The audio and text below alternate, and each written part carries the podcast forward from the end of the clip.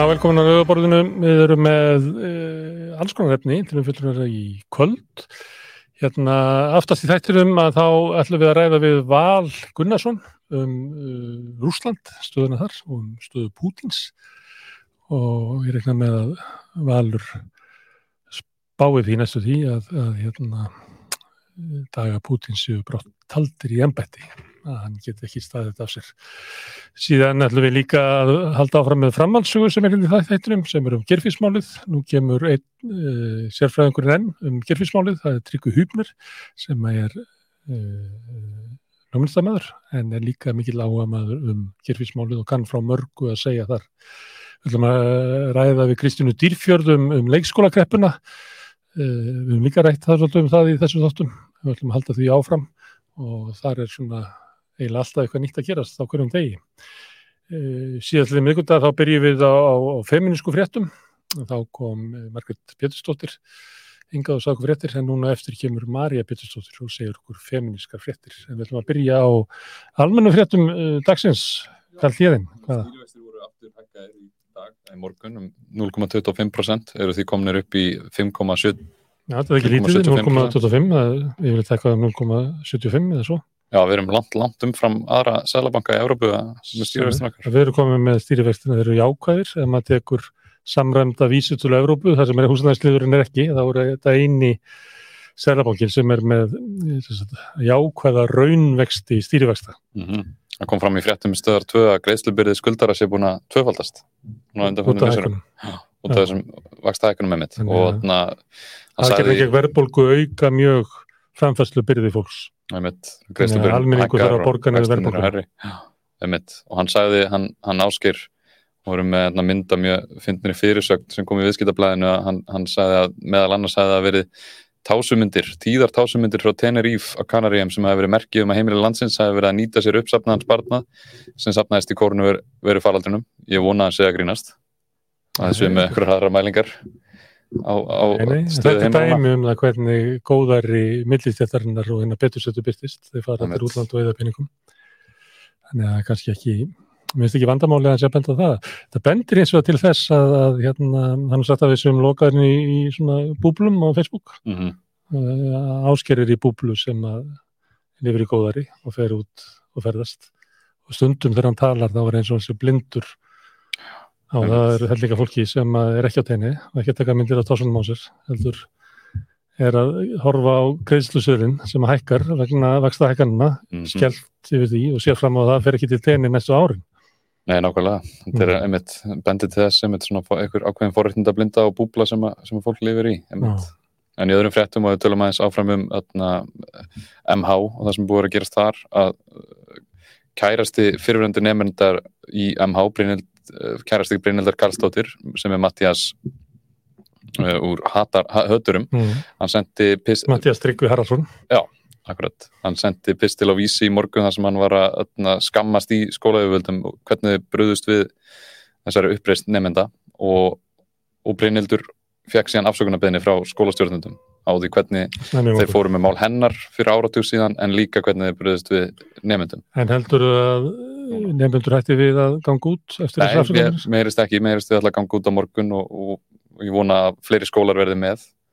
Svo, svo eru aðna menta á barnamálaráðara búin að bóða Snúndur, skólastjórnundur á fund með sér. Hvernig er það? skólastjórnundur, nei, hvernig fundurinn er? nei, það hefur Nei. tekið en þau ætla að tala um einhvers konar viðbrast áallanir sem, væri, öðna, sem skólar getur tekið til ef að svona mál komi upp. Þannig að maður vonar að koma eitthvað út úr þessu en, en það verður að þrýsta á þetta áfram. Já. og, og við munum fjallum þetta aðeins betur en á eftir í Full feminískum fjöll full, full seint að kannski vera að búa til áallinu núna. Já, fyrir þau sem að, fyrir fórnalömpin núna einmitt, en vonandi leiðir þetta til einhverja breytinga. Þannig að við getum tekið betur á þessu í framtíðinni. Sjáum til. Mm uh, Matti Fredriksen fórstæðsvæður Danmarkur hefur búið til þingkostninga eftir bara fjóra vikur, fyrsta nóvambur verða kostningar og þetta kemur að því að að, að uh, radikali vinstri hótaði að lýsa yfir vantröstilu á stjórnina ef að það er ekki búið til kostninga Já, hún Matti Fredriksen vil leiða breyða fylkingu svona ríkistótt sem er kannski sambarileg hennar Katrínar Jakobsdóttir. Já, það er með, hægri flokka og vinstri flokka saman. Já, hún vil verða Katrín Jakobsdóttir í Danmarkur mm Það eru- Hægrið virðist ekki það- til í þetta. Ha, Hægrið hefur verið- Já, það er svona moderatana þarna sem að er nú hálfgett klopningsflokkur út úr vinstri, þar hefur verið gefið undir fótinn. En þetta er náttúrulega ekki klókt hjá hægrinu sem er í, hefur sókna möguleika vegna þess að, að Mette er búin að missa svona það pólitísku innleik sem hún hafði. Þá er ekki klókt kannski í kostningabaráttunni að vera að tala um að leiða hana uh, hérna aftur í fórsættisrándið Einmitt.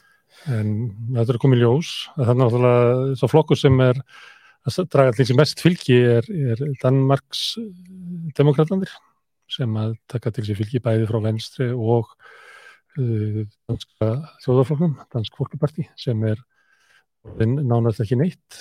Ég held að það sé hægt á hann bara þetta að þingi þetta verður spennandi, við höfum þetta að fylgjast með þessu. Alltaf gaman þegar það kosi í Danmarku og þeir ekki hafa þetta alltaf svona, þeir eru alltaf með svona eldsnögga Já, kostningabaráttu bara mánuður, bara allt á miljón. Já, já, ég man að þeirra Bjarni bóðaði til kostninga 2017 að þá var það gert með fimm vikna fyrirvar. Ég held að það verið það bara stiðsta sem hefur gerst á Íslandi.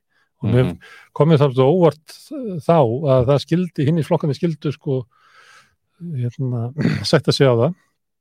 Og ég, ég fann því að þeirra var að tilkynninda þá uh, fekk ég þá tilfinningunni til ég sá viðbröð Katrína Jakobsdóttur sem þá mældist Vafki með 25 pluss fylgi og sjálfstæðarflokkurinn með annað eins að þau var eiginlega búin að ákveða að mynda ríkisjórn Mhm. bara þegar tilkynningi kom að þá fann ég svona lyktin að, að þarna verið að koma ríkisjórn en svo uh, náttúrulega gat Katrín ekki farið með þetta fylgi til kostninga og kom með eitthvað tæplega 70% þannig að þau verið að taka framsókn með en þá var hugmyndin svo að taka bara elsnögga kostningabaráttu sækja sko fylgi sem að flokkandur höfðu í skoðanakonunum og mynda ríkisjórn Ús, það er frekar svona ljótt bragð, finnst manni. Ekki alveg, svona- það, er, það var ekki gert hérna, það.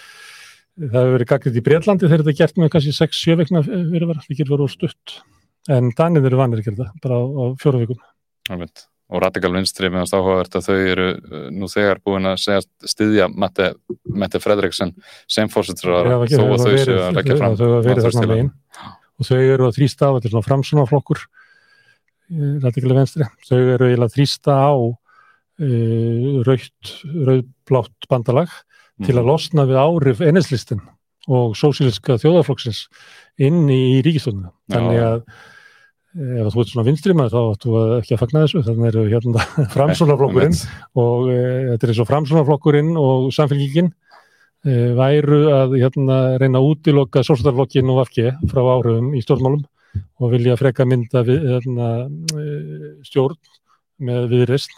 Það hljóma svolítið eins og meirundin í Reykjavík. Já, gerir það, nefnilega einmitt.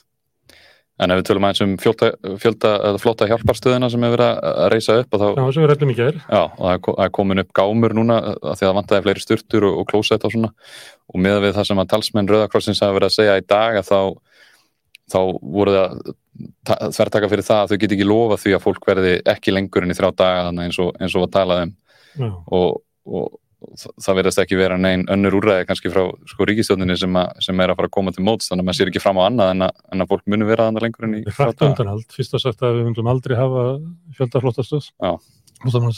síðan að, að það er bara í þrjá daga. Nú eru þeir að bakka með það.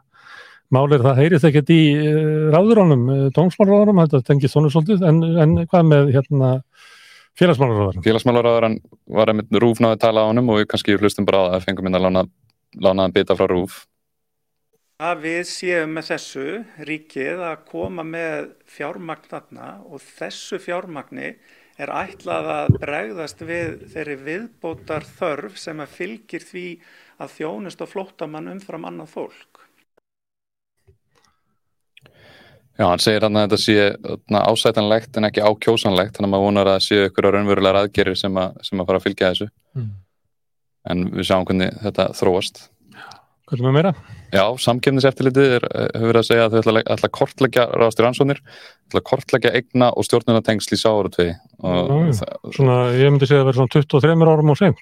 eitthvað svoleiðis að þetta á að vera partur af sem sagt, heldar eld, eh, stefnumótin í sáratvegi en við munum ekki held ég fá neitt út úr þessari uh, þessu, þessari rannsók fyrir en í lók næsta árs þannig að við áfram þurfum við að býða Að því varst að sína myndin af hérna, félagsmálráðurunum. Má ég ekki tröfla þess að því að ég held að við eigum myndband af hérna, selabokastjórunum þar sem hann er að tala um, um hérna, vaksta hekkunina og um hérna, hvað gerir svo. Við vonandi þurfum við ekki að hekka vexti meira. Vonandi. Og við erum að gefa hérna bóltan upp til þessar aðalega sem hann nefndir í þessari yflýsingu að þeir leggist á eina sveið með okkur. Og ef að það gerist þá, þá mögulega erum við bara komin á til dælu góðan stað. En við erum tilbúin að bregðast ef, ef það gerist ekki. Já.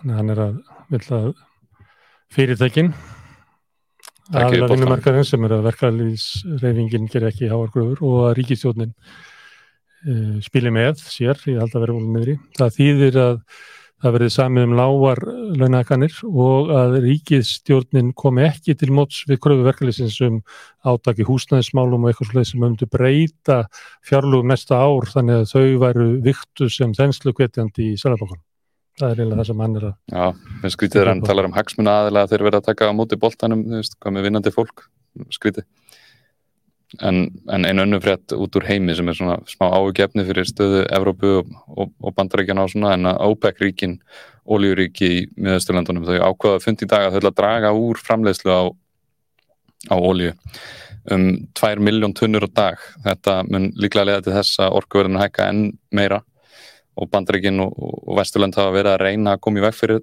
þetta en hefur ekki tekist og, og OPEC-ríkin er að nýta þessa stöðu sem þau eru í núna og er að gera þetta til þess að, að hækka markasverðið og, og fá meira útrúsu. Verðbólgu kreppa var það sem að Rubini var að skrifa inn er ég byrtið frétt hérna, eða þess að greina eftir hann það var kallað Dr. Doom Já. Rubini, hann var að skrifa verðbólgu skuldakreppu og vísar að sömuleiti til áttudarátugsins sem kom í kjálfar órugreppunar þar sem var stöðunum og mikil verðbólka þannig að OPEC er að kynna í það bál. Mm -hmm, Klálega, þetta er ekki góða fréttir. En svo fyrir aftur til Englands fylgjast næst með því að þar er aðna fundur í allsmanna og Liz Truss sagði að það var siðferðslega rétt að lekka skatta á hinn ríku. Hún segir að þau eiga peningana, ekki ríkið. Og ef þau ríkust þau eiga meira peningum þá munum þau gera meira því sem þau gera best. Ah sem er að framlega meira og hún er að halda áfram þessari mítu nýfrælsíkunar um að, með því að læka skattana þá stakki kakan og þannig fá allir stærri bita mm. hún sagði þetta með líka í ræðinni sko að, að í stæðan fyrir að deila kökunni betur og þá þurfum við að stækka hana bara og við gerum það með skattaafslátum Já, maður kannski að það er svo best að keima peningarna hann ríku því að þau fara náttúrulega langt best með peningarna þessum þau eru rík. Ef þau fari ekki, ekki svona vel með peningarna og gera svona gott úr því þá verður þau ekki rík. Þetta er eiginlega svona eins og hljómur frá 30 árum. Þetta Ben var á, hann byrti mynd á Facebook. hann satt hann hann satt hann eitthvað ofalega, hann byrti svona mynd svolítið hátt ofan af hann bránað með Já, mjög ánægð með hana og hann sagði að hún ætlaði að mæta þessum vanda núna, með, hún ætlaði að vaksa út úr vandanum með örfandi aðgerðum, sagðan. Sem er að lækka skattaðin ríku. Væntanlega einmitt örfandi aðgerðir, mm. þetta er svolítið skrítið svona smá svona newspeak orð, finnst manni. Við erum með bút úr hérna ræðinu hennar, þar sem að hún er að tala um þá sem ekki vilja hérna vöxt. Og hún talar um að það sé bandalag hérna fyrir að sem er á móti vexti. And we need an economically sound and secure United Kingdom. And that will mean challenging those who try to stop growth. I will not allow the anti growth coalition to hold us back. Labour, the Lib Dems, the SNP, the militant unions, the vested interests dressed up as think tanks, the talking heads, the Brexit deniers, Extinction Rebellion, and some of the people we had in the hall earlier. the fact is, they prefer protesting to doing. They prefer talking on Twitter to taking tough decisions. They taxi from North London townhouses to the BBC studio to dismiss anyone challenging the status quo. From broadcast to podcast, they peddle the same old answers. It's always more taxes, more regulation, and more meddling. Wrong, wrong, wrong.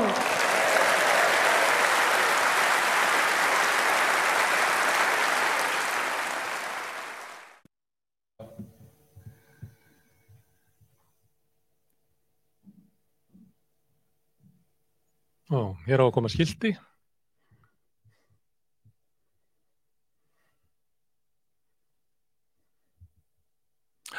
erum komin í feministka fréttir. Hún er hérna Marja Pétursdóttir. Velkomin. Já, takk fyrir.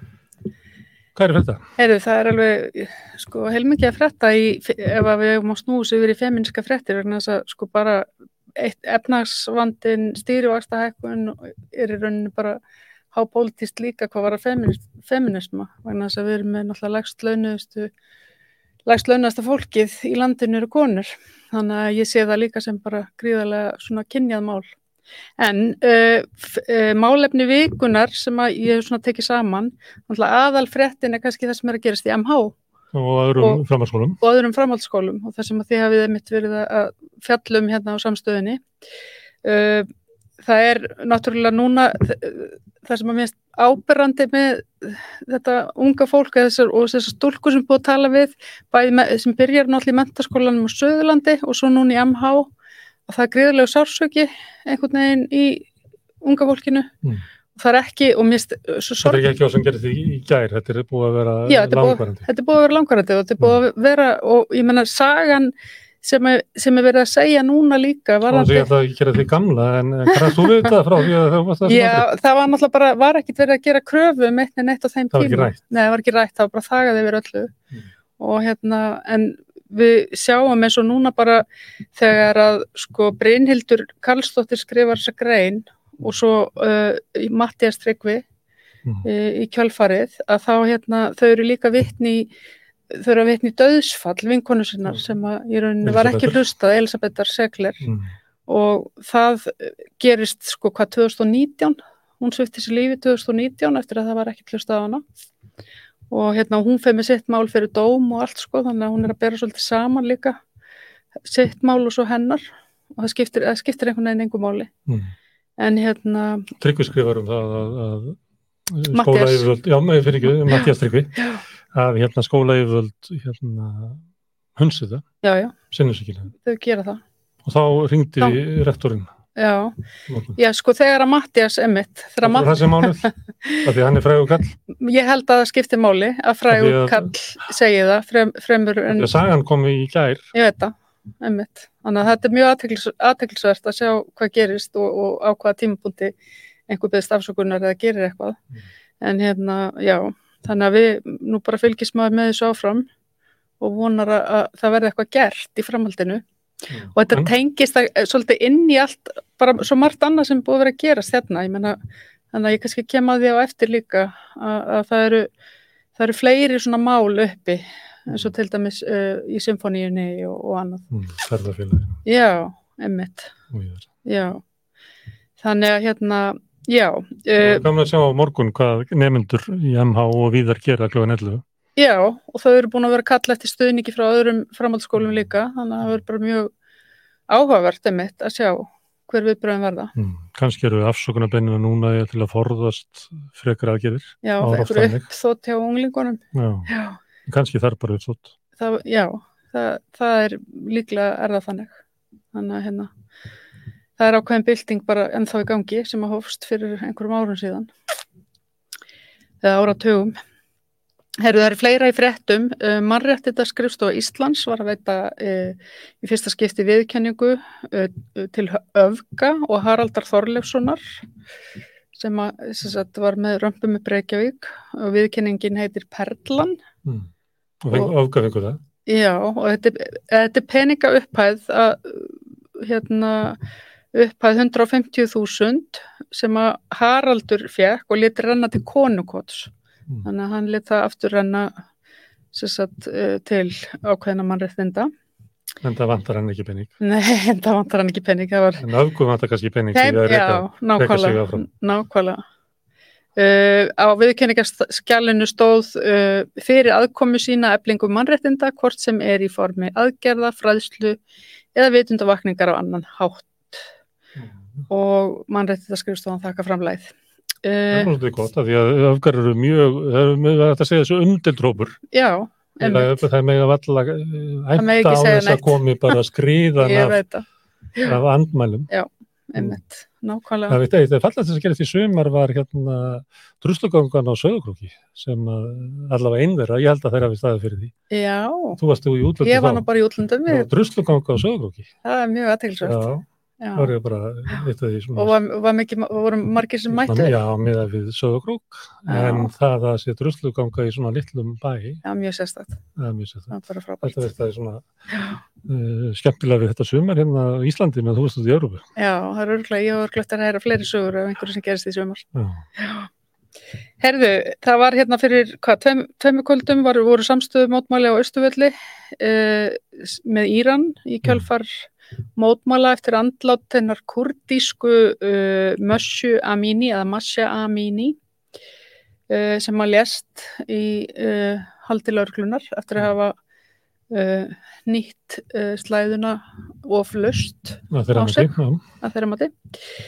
Uh, ég mætti á þessi, þessi samstöðu mótmæli mitt nýr á Östuvölli, þar var verið að kveikja kertum og, og hérna, Það verður kröftu mótmæli við um heim og svona Já. samstöðu. Já, finnum við líka mótmæli sko. já, já, Líka verið mikið mótmæli núna út af þrengingu á, á þungunarofi í já, Ungverlandi, það er mótmæli í Fraklandi. það er bara mótmæli út um er mikið, sko. mikið læti í konum. það er mikill liti í konum og það er bara, eins og ég segi, það er bylting í gangi. Mm. Mér finnst þetta svolítið svona eins og MeToo byltingin sko hafi verið svona einhver halastjarn og það logar ennþá mjög glatt í halan. Já. Þannig að hérna, það er alveg rosa Þessi mikið bylting ennþá sem er löngu byrjuð.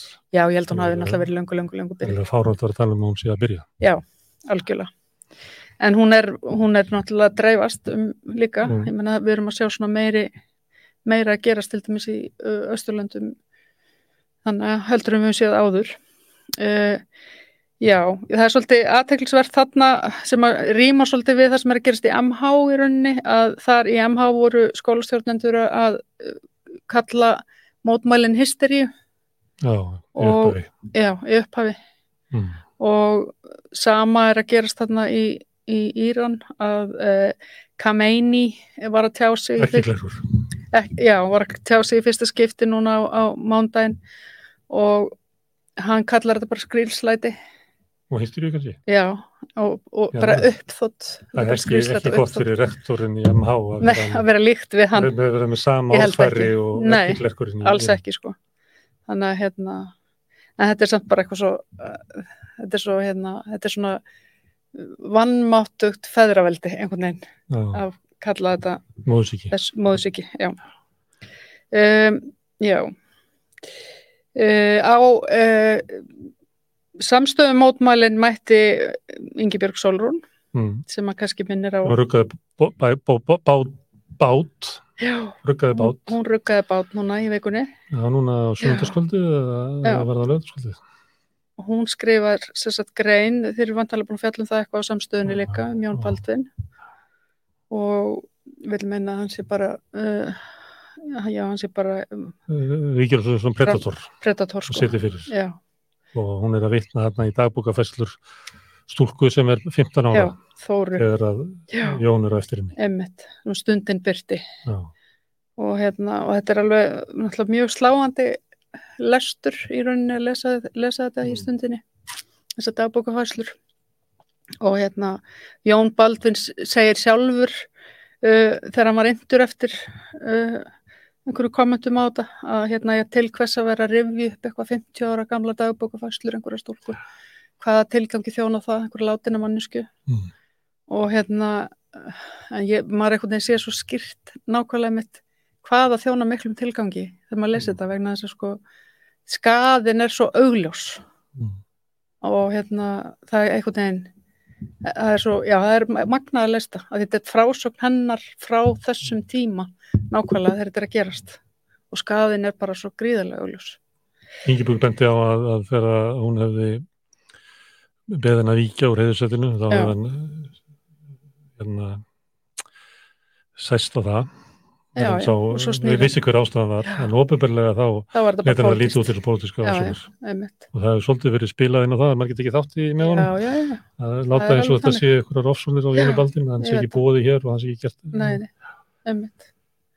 Að ég segði hérna, ég man ekki hvort það var gærað fyrir þetta eða eitthvað, að það myndi mér svolítið á já, sem er líka með svona 50-60 ára fyrir akkurat og það reyga margir vandröðu með að því að Cosby gerði alls konar góða hluti fyrir samfélagsvartra í er, Hvernig ætlar að, hvernig ætlar að tala um slíkan mann sem að gera góða hluti en gerir líka hryllilega. ég veit það. Og þetta er náttúrulega, þetta er bara þessir skrimslavæðing svo kallaða, þú veist.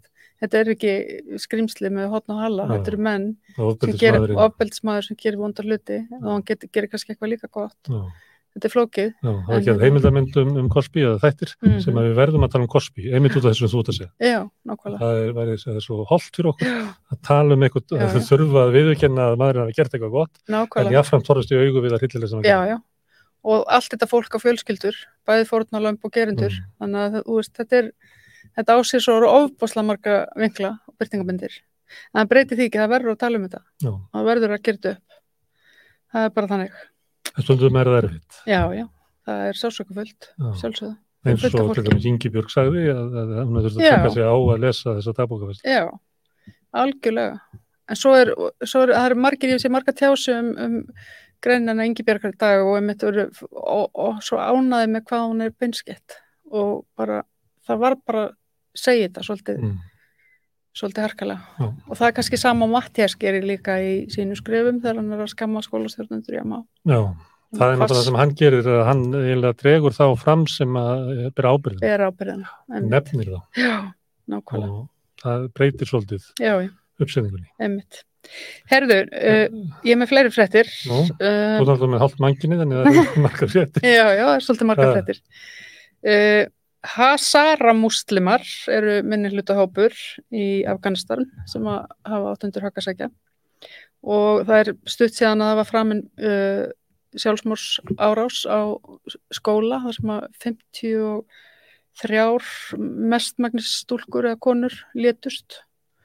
Uh, og sem sagt uh, á dögunum voru konur í og, hérna, Afganistan að mótmæla sem er líka og þeir eru að mótmæla hérna, talibanunum og öllu, öllu því sem er í gangi líka. Og þar var mitt háskólaprofessorinn Sara Mosavi sem gekk um götur Afganistan með, með svartan klút og, og hérna samt 50 öðrum konum.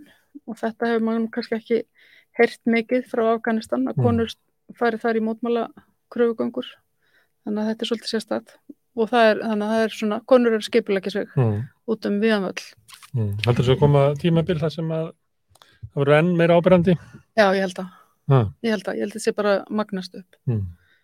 uh, já, Þannig að við verðum að hafa kannski feministka fréttir uh, öll kvöld. já, ég held að við þurfum að hafa feministka fréttir, það eru náttúrulega feministka fréttir öll Já. kvöld, sko, ef, að, Já. ef að þú bara horfir Já, á það já, þannig já. og, og bendir á það, sko Já, uh, ég ætla kannski, uh, já ein, eitt í lókin. Já, ein frétt í viðbót og það eru sem sagt, uh, mál sem fór mikinn í samfélagsmiðlum í vikunni og það var sem sagt, leikúsgaggrinni Nínu Hjálmarsdóttur á söngleikin Svo himni Já, og þar segir hún verkið draga upp og, og styrkja neikvæða staðalmyndir um Mhm. falla fólk, við töluðum um þetta svolítið hérna. Já. emmitt Mm. og hérna Hvernig fæst þér þetta? Sko ég held að ég er búin að lesa líka bara svona nokkrar greinar og, og, og svona það sem fólk hefur tjáð sig um þetta. Og besta sem ég hef lesið er sko bloggið hennar Sólega Tómasdóttur. Mm. hún í rauninni tekur í rauninni viðbröðun öll við því e, hérna e, Unnur Ösp svaraði fyrir sig líka og, og, og Margir leikar að koma fram Já, og hvað má ekki, má ekki neitt, má já. leika veit það. En hérna og hvað með þessu Sóley- hoffmann í reynmenn og. Sóli Tómasdóttir kemur með sko í rauninni e, greiningu sem sagt, e, þar sem að hún e, skoðar málið í rauninni eftir sjálfverkum varna við, viðbróðum. mm. Þannig að hún greinir þetta niður í sko eitt vanlíðan, tvö afnetun, þrjú réttlæting, fjögur sátt, fimm úrvinnsla og Mm. tekur alveg þú veist, þarna er verið að einhvers vegar er svona árás í þessu Hvað- Fyrstu, fyrstu við eru árás sko, að ráðast á nínu. Já, já, fyrstu viðbröð, já, Já. akkurat. Já, og svo það. bara svona við meintum nú vel og við Já, ætlum nú, já. þannig að það koma svona alls konar vinklar inn í þetta þannig að mér varst, já, ég hefði mjög gaman að lesa þessa greiningunni sólegar Þetta er kannski að beðin hann lesa afsökunar beðinni rektorsins í MH já, bara að fá sólegu til að greina út frá lesa, þessum lista ég var að lesa hann og ég er náði ekki alveg sko hvað það væri að beða afsökunar ekki. eða ekki, já, það er, mjög, það er Það er alveg vafamál sko. Já, ég veist afsökunar ef að hérna, þið eða þín upplifun? Eða eru upplifun, já. að það sé þín upplifun að þér líði illa. Já, svona næstu því, já, einmitt. En þetta allavega með uh, þjóðleikúsið og, það, og þessi, þessi mál nei, og hérna að þetta er að ala af sér það að uh, þjóðleikúsið í samstarfi við ÖBI réttindarsamtök og landsamtök, landsamtökin þróskahjálp bandala íslenska listamanna Sviðslistasamband Íslands og Listaháskóla Íslands eru sérst að bjóða til opins málþings með yfirskriftina samfélagsleg áhrif En byrtingamynda af hverju fáður ekki bara í leikrit? listum. af hverju verður að fá málþing? Já, þetta kannski verður maður fallar ekki bara að fá leikrit og fá að leika, hverju þurfa að fá ráðstöfn? Akkur fá þeir ekki bara að fara í listaháskólan eins og aðrir og, og allt þetta. Já, En það er kannski það sem þeir eru að fara að tala um. já. Og þetta Það verður verður- á stóra sviðinu í Það er þjóðleikursinu. þetta áður það sem Nína var með í gaggrinni hérna Cryptface sem er svona blackface. Já, eins og blackface. Nei, ég hef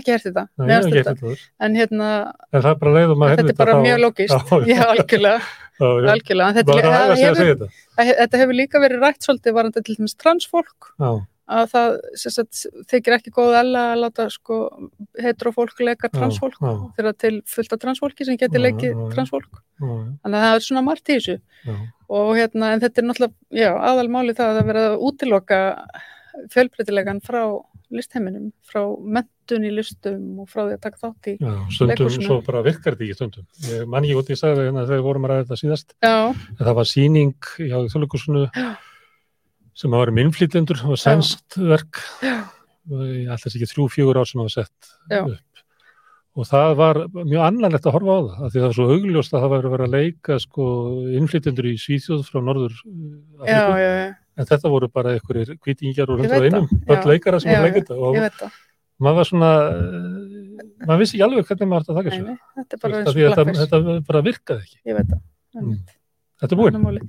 Herru, já, bara kannski ein frétt í lokin og það er sérst Bjarni Fríman Bjarnason, fyrirvændi tónlistjóri Íslensku óperunar uh, og fyrirvændi aðstofa hljónstastjóri Sinfoní hljónstar Íslands. Hann segir frá því á dögunum að stjórnendur hljónstarinnar hafi heilt yfir kynfyrsafrót sem hann var fyrir á hátsettum starfsmanni. Þetta var rætt uh, meðal annars uh, að Katrín Oddsdóttur og Magnúsi Jóhanni, tónlistamanni í Mm. í árúf þannig að hérna þetta er, það, eru svona víða að poppa upp ennþá Mm. svona mál og þessu var svolítið líkt hún, Þetta er ljótt mál sko. þetta er mjög ljótt mál og Mm. Katrín Oddsdóttir líkir þessu svolítið við e, máli sem kom upp í þjóðleikúsinu þegar Kristín Eistinsdóttir hennar kona í rauninni segir e, honum alla e, rafni upp. Og hérna og hvetur í rauninni fólk til þess að sína þor og gera þetta. Og þetta er svolítið að koma og það er samúri gerst í MH núna þannig að þetta er einhvern veginn allt sko að sömu bókina er lært þannig. Það, við þurfum að venja samfélagi við það að bara svona hlutir er ekki bóði og ef að það er eitthvað vafamál það þarf bara einhvern veginn að mm. hreinsa loftið. Gerð ráð fyrir þetta sé til staðar, já, ekki láta og Ekki láta eins og þetta sé bara einhver hérna, Hersei eða kæftasugur eða hystería. já, einhver grósa. Þurfa bara að taka ábyrg, leið og kemur Já. þá er líklega nákvæmlega, þá að líklega eitthvað að alveg svo já, bara varnir við akkurat, ofbeldi eða hverju sem er. Herðu, Marja, þú kemur kannski í næstu viku til okkar Já. sjáum til sjáum til Herðu, en við ætlum núna að tala um uh, leikskóla og börn eftir augnablik. Já, herðu, við höfum verið að ræða leikskólamál og það hefur svona uh, stækkað svolítið í, í samtalinu hérna. Við höfum eiginlega verið að tala bara um stöðu hérna barnafjölsina Mm. og Kristín Dýfjörður kominninga, ég ætla að ræða við um það. En það hefa verið svolítið fréttir um bara eitthvað svona vesinisgang í leikskólanum í, í Reykjavík Eh, í, í núna í gær held ég, eða fyrirdag, að þá kom fram að að Grandaborg, þar er hérna var rakaskemdur og var að gera við það og komið þá ljós að það voru rofnar skorpulagnir undir uh, skólanum og það þurfti að flytja börnin og þriðjungur fór í kringluna eitt sem að eh, var, var nú eitthvað í fréttunum um daginn að maður væri ekki með starfslefi þriðjungu fór út í hérna, ævindiraborg í Nautóls Nei, Já, nei, þriðjungu fór í Nautóls og þriðjungur í Já, já, og ég með, hérna, því ég með myndir hérna af leikskólanum já. Utan, væntalega. Já, utan, já, já, Já. já, já, já, enga myndir af börnum, sko. Nei. Mm. Það er, Og meðan hérna, þú finnur- þetta, já, já, þetta þetta er- er nautóll. Þetta er nautóll, já. já. Ég reyndar ekki að sé það, en þetta eru, sko, þessar byggingar eru ágættar Er það? að innan. Já, já. Mér finnst þetta þegar maður sér þetta því að vera að tala um svona bráðabyrða flottamannabúðir. Já, en ég er búin að fara inn í Þetta er hef komið inn í, í, Já. í hérna Svo erum við líka byggingu. með mynd af, af hérna En- á Ekkjarskötu sem heitir líka Ævindiraborg, Já, það er Þetta er þessi. já. Þetta er tekið þeim megin, það sem er skárri megin, skara megin. en, En- en Þannig eru nýjir skólar, já, uh, einhverjir uh, starfsmenn að taka á móti börnum allir Já. aðlugun já, og uh, húsnað ekki alveg tilbúið, það verður síndar myndir. langt frá því að vera tilbúið. Það er á að verða eldús, það er bara einhver eitt vaskur og eitthvað Já, mjög skrítið. Já, Svo fáðu bara þriðjungin af, af Grandaborg, hvað er þetta? sko, þarna í þessu húsi, þetta er gamla, hérna, hverfamistuð borgarinnar þarna og þarna er bygging sem að hverfamistuðin var með og átti að verða sem sagt hluti af e, deild fyrir e, naut, fyrir æfintýraborgina á Eggertskutu Mm. og börnin og allir eru búin að vera að búa sig undir að flytja þangað og bara daginn sem þeir eru að flytja þá Mm. fáðu, nei, þið fáið ekki húsnaði. Mm. E, þau eru þegar búin að vera með annan hóp Mm. e, frá, frá nautólsvegi inn í Mm. húsinu hjá sér. Þannig að leikskóli sem opnaði í mars hefur ekkert fengið að vera sko leikskóli í friði. Mm. Heldur hann búin að vera bara svona í rettingum. neyðar, Já, neyðar og þetta er náttúrulega rosalegt álag á starfsfólki. Hvað er þetta svo? Eh, Þetta er náttúrulega ekki gátt við séð að eru náttúrulega, sko. nei, En það var náttúrulega ekki, raka skemmtir. Er þetta ekki líka bara lélegt viðald? það held ég, það hefur löngum verið hluti, ég var leikskólastjóri hjá Reykjavíkborg í tíu ár Mm. og hérna viðhaldi hefur allatíð verið svona svolítið vandamál Mm. og hérna maður þurfti að berjast fyrir því að fá viðhald og svo var náttúrulega einhverjum árum, ég er náttúrulega 25 ár síðan ég hætti Mm. en hérna en fólk sí- síðan virtist þetta hafa komist í svona betra horf.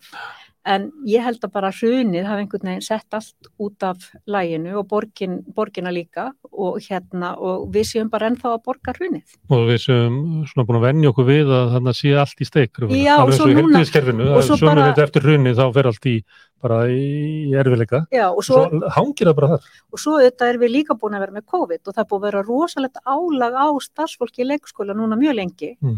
E, við vitum það líka þegar er uppgangur í samfélaginu þá er erfiðar að fá fólk inn í leikskólana og það er líka erfiðar að fá fólk til að sinna viðhaldi í leikskólum af því að veist, það er samkeppnum um Mm. líka byggingaverkamenn og, og, og yðnaðmenn og hérna sem gera það verkum að það, þetta svona hlutir sem átt að gerast eins og við sáum í, á, hérna út á nautólsvegi það sem átt að gerast kannski í sumar Mm. er ekki ennþá að fara að gerast af því að bara hefur ekki fengist fólk til að vinna þetta Nei. þannig að þú veist, þetta er margþætt vandamál En þú sagðir að þetta veri allt í lagi húsnaðinnan. Já. Hérna hefur verið sagt að það sé allt og byggt bara lélegt fyrir leikskóluna. E- Það já. sé allt og látt í loft Já, og það er þá hefur að bera saman kannski hvernig leikskóli lítur út og hvernig grunnskóli Já. lítur út og framhalskóli. já, já, ég er bara alveg fullkomlega sammála því við bygg, byggingarnar við, við háskólan sem allar eru svona grand. Já. sko, ég er fullkomlega sammála því ég, bara, ég er að meina að þessi leikskóli miða við það sem að er í bóði að þá er hann ekki eh, sko, já, en ég, við höfum byggt leikskóla sem að gera ráð fyrir að séu í alveg rosalega litlu rými. E, ég var nú að lesa hérna bók sem kom út 91 og Valborg Sigurdóttir sem var form, e, hérna, skólastjóri fóstaskólas þá tala hann um hvað væri gott rými í íslensku leikskólu miða við í útlöndum. Mm. hún hefði bara hvergi séð jafn gott rými eins og, eins og á Íslandi. E, og ég fór um þetta að betur 91, hvernig leiti þetta út þá? Ég var náttúrulega starfið þá. Mm. og þá hérna þá var til dæmis leikskóli eins og e, Vestuborg eða Garðaborg sem voru með 34 börn. 2014 gerði ég könnun, þá fór ég inn í hagstofunni og skoðaði, þá voru komið 55 börn í skóla sem var með 34 börnum hérna e, 91 e, og 98 með að segja. Og bara annað dæmi að því að ég hlustaði á ykkur tala saman, e, þú varst að tala um Laufásborgum daginn. Já. 73 börn voru 98 127 voru þegar ég gerði þessa könnun og eru 100, eh, 123 og 117 núna. Veist, þannig að það, tilnefingin er bara að þjappa börnunum inn. Af hverju? húsnaði kostar, dýrt að byggja og, hérna, og einhvern veginn áttar fólk sig ekki á því að það er verið að skjóta sig í fótinn. Mm. Þetta er, þetta er svona skamdugur skóður vermir að pissa í skóin sinn. Þetta er svolítið þannig. Hérna, þegar ég var ungur, þá var mér sagt að, að leikskólanir á Íslandi væru betri í samanbörði við aðra þjóður. Við, það var sagt að við erum svo heppin að við byrjum svo seint af því að svona hugmyndir um, um leikun leikskóla að vera komu hérna höfðu áhrif á uppbyggingu leikskólakerfisinu upp á 1970. Þetta er svona eitthvað góðsaga sem ég var ég, sko, En alltaf var, var Já.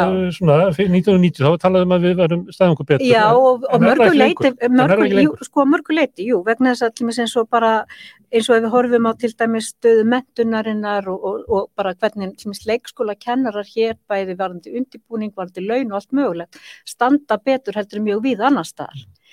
En samt sem áður, þá veitum við líka eins og hérna meinur leifisbrifi að, að, og það var enda byrjað áður, fólk var byrjað að flytja leikskólakennarar, svo, þeim hefur fundist þetta svo íþykjandi starfsaðstæður, mikið þrengsli, mikil hávæði, mikil áreiti, e, mikil mannekla, stöðu umskipti, fólk bara þetta svona, einhver tíman talaði einn leikskólastjórum þetta eins og þetta við værum með nútíma farandverka fólk sem að kæmi inn og út bara um leikskóla, þetta væri bara svona inn út um gluggan og hérna og allt þetta hefur þau haft þau áhrif að fólk helst ekki eins lengur við. Samt vit við líka að rannsóknir hafa sínt okkur að þeir sem hafa mentuna haldast lengur við.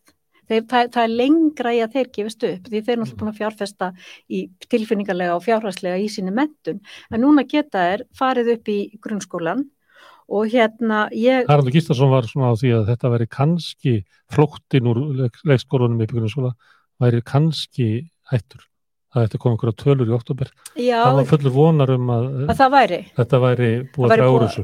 Já, ég veit ekki, ég hef ekki ennþá hérna, en ég talaði við fullt af leikskólakennarum sem að voru farnir, gera sem sagt rannsókn og með leikskólakennarar sem eru farnir yfir í grunnskólan og ég spurði sem sagt hvað væri helsta ástæðan og yfirleitt talaði ekki um launin, þar tala um vinnuaðstöðuna, þar tala um fagsamfélagi og þar tala um virðinguna sem að þeim, þeim finnst að þær njóti e, meira sem sko bara sam, frá samfélaginu, frá fóreldrahópnum að það er svona, já, ertu, ertu leikskólakenni? Já, einmitt, Mm. já, ertu í grunnskóla? Veist, Mm. Það er bara mismunandi hvernig fólk talar við Og þig. kannski þeim sem að búa til umhverju sem uh, sem, það er já, að flestu leiti vinna í. já, hvernig er húsnæðið, hvernig er litlar, tekið á umkvastunum. litlar þröngar, kaffistofur, litlar þröngar, skrifstofur, litlar þröngar deildir, Þetta lítið hefur þröng verið baðherbergi. sagt í einhverjum uh, það sem var að vera fjallum hana, uh, ævindraborgin að, að, að leikskólastjórum væri með törnum sem í geimslu. Nei, nei, það, Það var var, það, var hérna Brákaborginni, Það var brákaborgin. nýju Brákaborginni, ég hef svo sem alveg fylgst með, en þetta er ekki bara, í- er bara, bara í Reykjavík, sko, þetta er líka á fleiri stöðum. Þannig er það svona uh, ef að uh, fólk vinnur á leikskóla og er að uh, kvarta yfir aðstöðinni að það þurfa að gera þetta, það þarf að laga lóðina, stækka þetta eitthvað leis, að þá eru þeir sem hefur verið að tala við taka þessu svona eins og bara buggy og þetta er alltaf svona suð, suð. bara suð. Það, það, er, það er kannski staðsta vannvirðingin sem að fólk verður fyrir. Í sko núna, þessi mál eru búin að vera þegar að fjölmiðlarnir, þegar ég var endar fylgist með í fjallar, þegar allt gekk hérna út af því að börnin komist ekki inn í leikskóla í haust, þú veist, það virtist vera ekki skipta neinu máli, hvort þetta var bara kompa eða geimsluhúsnæði eða hvað, það var bara opna einhvern anskotans leikskóla sem við getum komið börnunum okkar. Af því að við þurfum að komast á Af því við þurfum að komast á vinnumarkaðinn og sinna því. Húsinu okkar Og ég, vissu það ekki. og já, en e, núna í þessari lótu, þar sem að er búið að vera út á allar þessar miklu, allar þessar hérna öllum sem, öllum sem ímenn og þetta er tilfinningalegt líka fyrir börnin að þurfa að vera að þvælast hér og þar í leikskóla og með starfsfólkið og allir einhvern veginn upp í loft, þá bara engin aðtegli. Það er bara þið um það bil. Og, byttu, og ég bara, þú veist, byttu, ég veit að innan fréttamannastjættan þá er spurt hvaða fréttapunktur er í því Já. og það verðist ekki vera neitt fréttapunktur í leikskólamálum nema það séu e, til þess að berja á einhverjum pólitískum anstæðingum. kannski það er maður sem heitir Adam Curtis sem að gera heimildamindi fyrir BBC, það Mm. er margir sem að horta á hann hann sagði einhverju þeirra að, að upplýsinu á torgi hins himneska fríðar, Mm. þessum að maðurinn stendur fyrir framann skriðdrykka, já, já, hafi breytt fréttamati á vesturlundu þannig að við segjum bara fréttir að sem að einstaklingurinn stendur upp á móti hérna, stjó, stjó, stjó, stjó, valdinu. Já, og fóreldrarnir í ráðhúsinu eru ekta dæmi um þetta, það sem að fóreldrarnir greifist valdsins. Við getum sagt fréttir af þessu, Mm. en svona flókin umræða um það, þú veist, hvernig við búum að, að leikskólanum og börnunum okkar, við, bara því miður, meginstur sem Við vilja að- náðu ekki. við getum ekki tekið hann og svo bara eins og ég segi sko, ég, ég, skrifaði grein fyrir nokkrum árum þar sem ég hérna, svona endaði á að spyrja hvort að leikskólan var í öndunavél það var fyrir COVID. Hérna, og þá bara svona ég taldi leikskólan vera komin bara já. á fremsta hljón, hann væri komin í öndunavél og hérna, og meðal annars það sem að, að ég var einmitt að líka velta fyrir mig, við erum ofsalega upptíkin að písa ef það kemur Mm. písapróf og við komum ekki vel út þá bara fer öll umræðinni við það. Og þá fyrir við að tala um það að við þurfum nú að fara að gera eitthvað að láta leikskólan sinna þessu betur til að börnin komum betur út í einhver, einhver staðar í písa en að því að við viljum vera einhver staðar uppi í þessum töflum, þessum samanbyrðartöflum alþjóðlega, við erum á toppnum á einni töflu sem heitir gendirgap, sem, sagt, sem er svona hérna jafnbrettistabla heimsins. E, af hverju erum við á toppnum þar? vegna þess að við höfum geta búið þannig umhverfi að konur hafi ekki þurft að velja til dæmis á milli hérna starfa og, og, og, hérna og þess að, alveg börni sinni eða eiga börni yfir höfuð Mhm.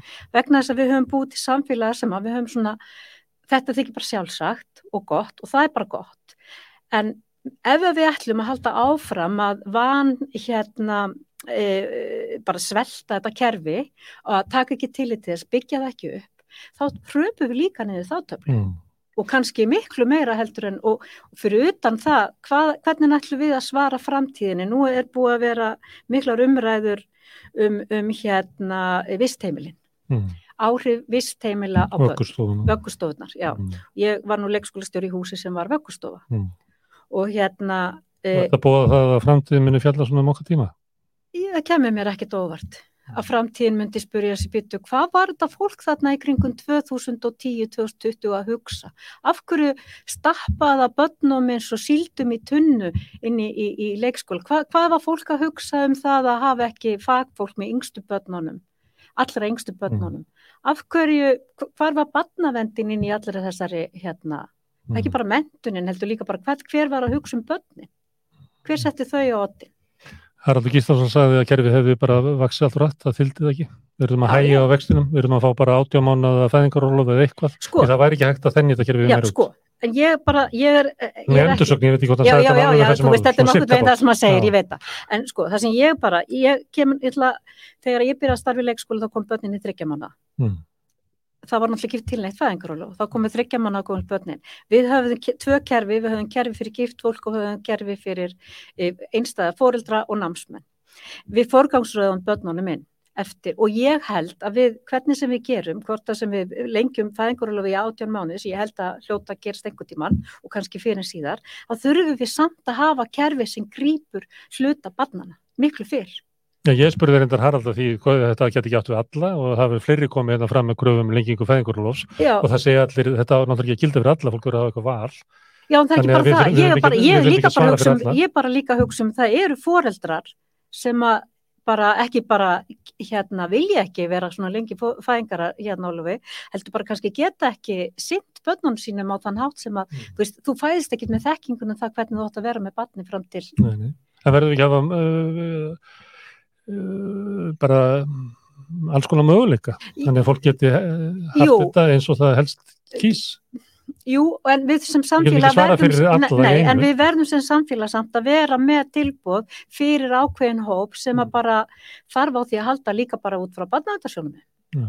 Veist, við meðum bara ekki gleyma því að við erum ekki öll mistjæta fólk með, með fyrirtagsmentun og fyrirtags aðstæður og gott bakland og, og hjálplandi foreldra og afar og ömmur og frængur og frændur eða veist, við erum með fullt af fólki hérna sem hefur engan með sér Mm. og það fólk þarf líka og þá þarf það að fá stuðning innan okkar kerfi Mm. og leikskólina ætti að mínu viti að vera gerður þannig að hann gæti líka verið sagt, stuðningu við, við þennan hóp Þegar að vera að byggja upp kerfi, þá að vera...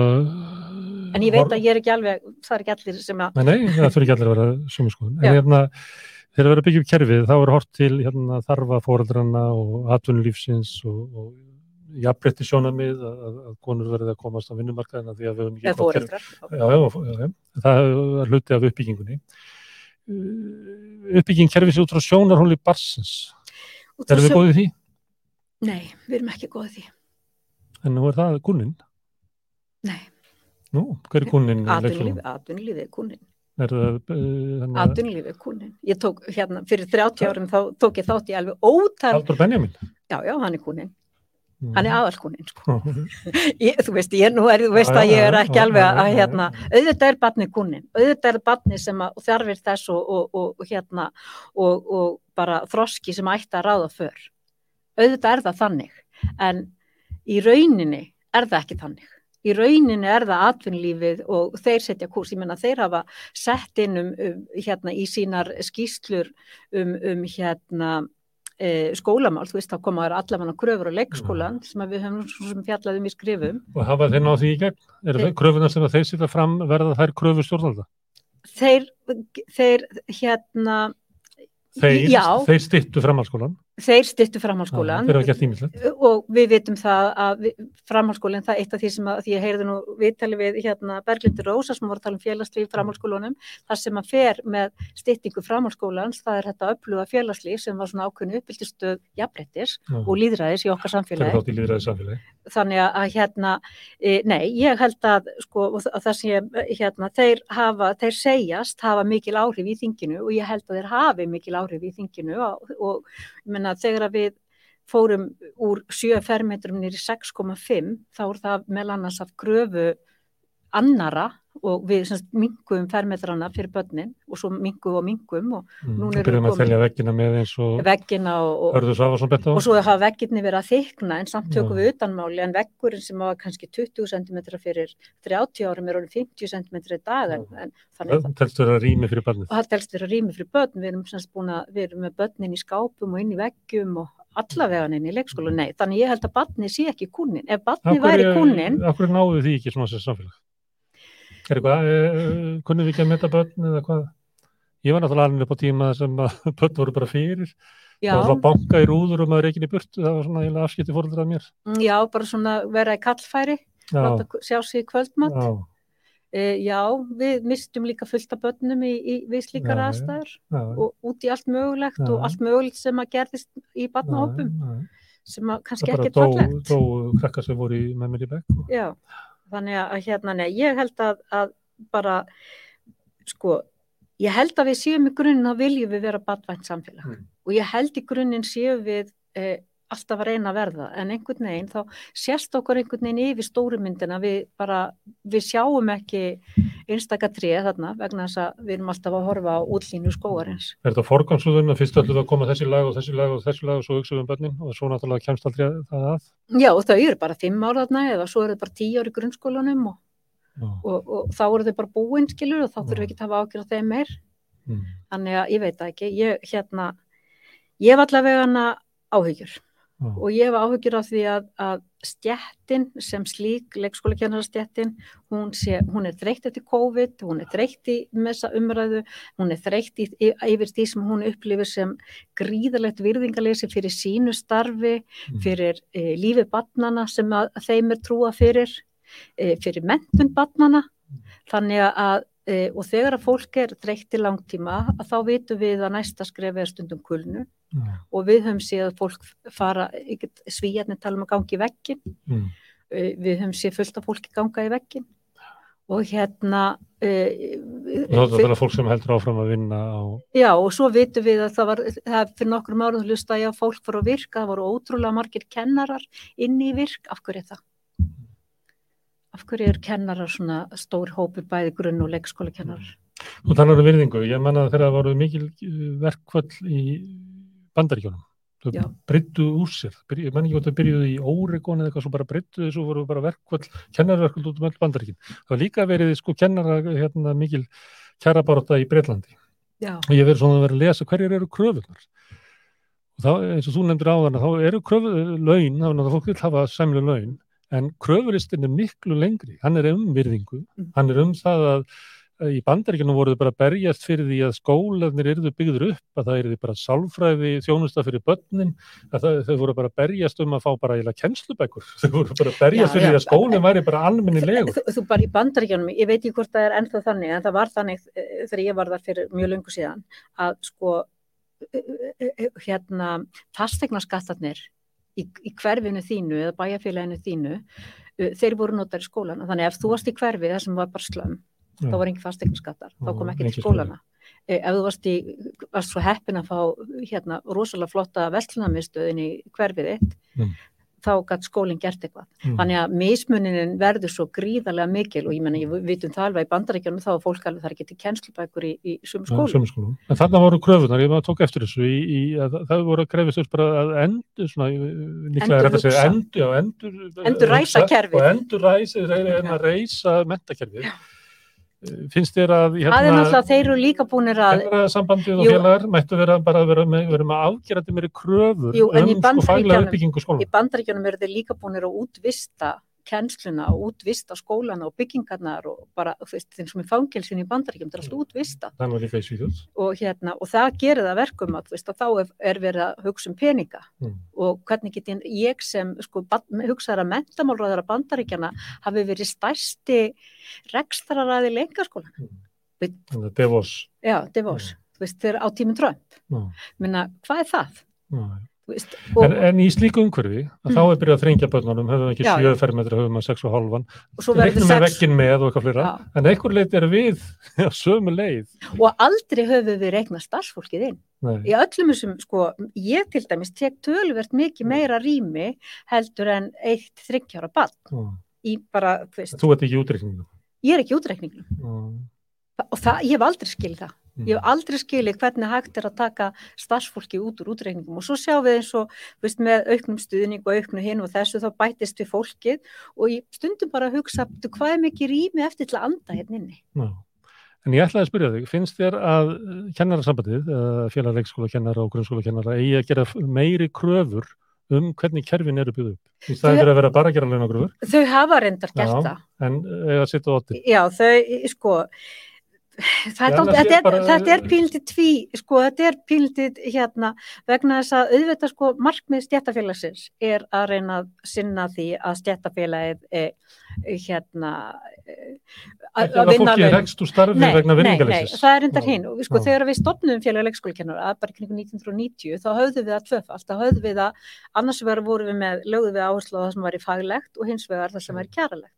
Og við höfðum alltaf, við sem sé byrjum vorum með tvo formenn, við vorum með kjaralegan formann og við vorum með faglegan formann. Og faglegi formaður, hún til dæmis barðist fyrir því að fá sett lögum leikskóla var eins og grár köttur nýri þingi til þess að fá og fekk Þorstinsdóttir hétt hún og hún náði að búa til samstöðu og við bara fengum svona næstum ordrur í öllum flokkum veist, þú í þínum flokki far þú að tala við þitt fólk, Mm. þú í þessum flokki þannig að við vildum eiga e, fólk í öllum flokkum til að geta beitt eh, okkur, bara lobbyisma inn í og hún náði þessu, þessum hérna, þessari, þessar lagabreitingu í gegn Já. 92 Hérna, hérna, og þannig að hún hafði þetta sem hérna markmið en það vantar alltaf einhverja fórust. Já, Fórustan í kannski- ráðunetinu og fórustan í sveitastjóttunum er ekki að duga. Nei, ég meina við erum með 80% stöðu í mentamarandinu sem er leikskólakennari. Mörg ár vorum ekki einn einasta leikskólakennari í mentamarandinu. Lengst af vorum við með eitt leikskólakennari í meina það sem að öll, öll hérna, ákvarðan eru tekna. Menna, hvað, við, þetta er eitthvað sem það líka að skoða. Já, en ég held að við séum kannski, þurfum að endurhugsa, kannski fara í, til e, upphafs stjættafélagsins Mm, og hugsa kannski ættu við bara fara aftur já. að hug, huga að gera þessa Það skiptingu að segja fyrir það hvernig skólinn ætti að vera. Já. að hafa áhrif á umhverfið. Mm. Starfsumhverfi. tala ég um það við næsta viðmælanda sem að kemur að ræða leikskólana Já, hérna. gera það. Já, takk fyrir að koma. Heyrðu bara eitt, Já, það er alþjóðlega dag kennara í dag. Herðu til hamingjum með það. Þakka þér fyrir. Já. Takk. Herðu við óskum öllum kennurum til hamingjum með alþjóðlegan dag kennara. En við ætlum að snú okkur að framhalsögu þáttarins sem er gerfinsmálið. Tryggvi Hupner mætir hér eftir augnablik.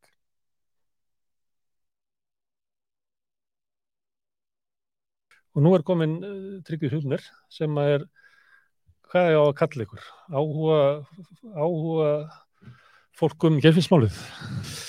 Þið eru ekki, þið, þið eru rannsökuð ekki, þið eru ekki sakbóðningar. Ég er bara, ég er bara vesæll músikant út í bæ, Já, en ég hef dóldi haft lengi á, áhuga á þessu. akkur, uh, hvernig byrjaði það? Það er náttúrulega bara, þetta er náttúrulega bara áhugavert og bara fyrir mig sem eh, 17 ára ungling, sko, 1974, að ég maður bara þegar það var, var líst eftir gerfin einu sinni, sko, og, og allt ferlið var, var mjög sérkjönlegt án þess að maður hefði neitt sérstakann áhuga á því. Það var bara mjög skrítið, það var auðlist eftir manni, það var auðlist eftir öðrum manni sem hefði sennilega hitt hinn, þú veist, og, og það svo var hvort þú hefur séð hérna mann sem að kom í, í, í hvað hérna, hafnar, hafnabúðina, sko, ég menna það, það var auðvist mikið. það var auðlist, Eirfinnur var náttúrulega, já. Það er reynt að búa til um, svona leirmynd af einhverjum manni sem að var svona líst eftir, þetta var allt mjög förðulegt sko uh, bara sem slíkt sko. Síðan uh, löngu setna eða tölvert setna þá gerist það að, að, að, að það er hérna handtekið fólk og, og, og, og hérna sem að voru og Erla og það var maður frétt af því að það, þetta væri að e- tala við sama fólk og var yfiritt líka um póstveikamálið og, hvar Guðmundur Einarssonar og fram, fram til göttunum sko Mm. og svo voru þessi fjórir handteknir hérna sem voru Magnús Leopoldsson eða það voru þrýr fyrst, Magnús Leopoldsson og Einar Bollason og Valdimar Olsen já, og, og, og þá náttúrulega kveiknaði eh, svona, þú veist, öðru sér tegund áhuga á þessu hjá mér hvernig það okkur? Þetta var náttúrulega rosalega stort mál sem Já, já. þetta hefði verið að, að Já, rannsaka. Samsæri um morð sem að fjöldi manns tengist. Já, Þetta er bara, ég, það er ekkert mál sem er svona í Íslasögunni. og ekki, ekki, ekki nema við förum að uh, eitthvað á stjórnungu öldu eða eitthvað, ég veit ekki en, en, en sko, en það sem ég á við er það að, að náttúrulega Einar Bollason Körubolta stjarnar Íslands og er, er, er maðurinn hennar Sigrunar frengum Já, og, og þannig að þetta er, þú veist, þetta er svolítið nálægt einhvern veginn. Já, og, og, og það er uppi fótur og fyt sko allstaðar í þjófélaginu Magnús Leopoldsson, ég var ofta að spila ég er tónlistamæður sko og var ofta að spila hjá honum í klubnum og, uh, og, og, svona og, og síðan var Erla þarna sem ég vissi alveg hver hún er sko, hún er sýstir Einars og, og, og kannaðist við, við hana svo, síðan gerist þetta þannig að, Það að er mér að því að þetta þengið svona kemur inn í fjölskylduna. Já. Hvernig brást fólk við þessu? Hvað, ég, það var bara að Einar Bollason uh, hefði verið að myrða menn í keflaðið? Já, það nú það, það er sko það, menn vissu bara ekkert og voru skítrættir, ég ætla ekki að fara nána út í það Nei. Og þetta var mjög ógnugjönd allt saman og, og, og, var, þetta var hystería sko. Þannig að það Það var- gerist kannski svipað og líst þegar fólk er inn í einangrun að, að þeir sem að standa svo nærri kannski fara að trúa því að jáfnvel getur þetta verið satt. það vissi engin neitt Nei. og skildi engin neitt í neinu og hérna og, og, en, en ég meina þú veist, einar hefur margóft líst því hverju stóðu sko með honum í gegnum Mm. þygt og þund Mm. þú veist, það voru félagar hans í köruboltanum og, og, og, og konan hans og svona og, og fjölskyldan sko margir í burtu. Ég ætla ekki að fara nána út í það sko. En, en ég, ég, ég vissi ekkert frekar en aðrir en, en ég sagt þekkti aðeins vissi af erlu sko, vissi hver hún er og svona og, og hérna síðan ekkert mjög löngu setna sko þá, þá hérna hitti hana svona, við eigum fullt af samfélög vinnum sko. Mm. og hérna hitt hana og, og, og þá, ég var nú ekki þá, þá vanda ég henn ekki kveðurnar sko. Nei.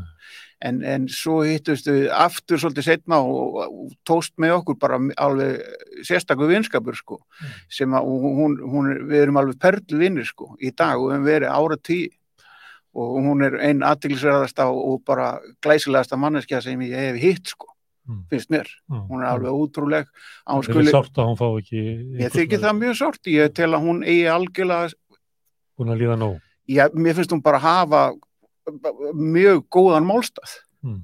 veist, þetta er, þetta er, þetta er agaleg örlög sko og maður getur ekki annað dástaði hvernig hún hefur höndlað það sko í tímans rás Mm.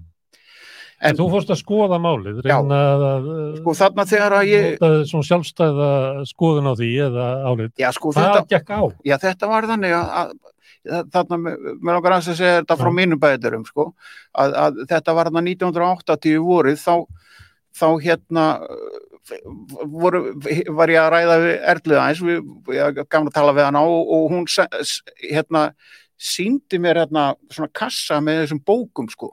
Það eru 26 númerar bækur sem er reyndar held ég ekki nema 25 Mm. vantar eitt númerið en, en og, og ég var að spyrja um þetta, hún hafði ekkert verið að stúdra þetta sko en hún sagði bara eina sem hún sagði um þetta mál var það að þetta var bara allt hún della Mm.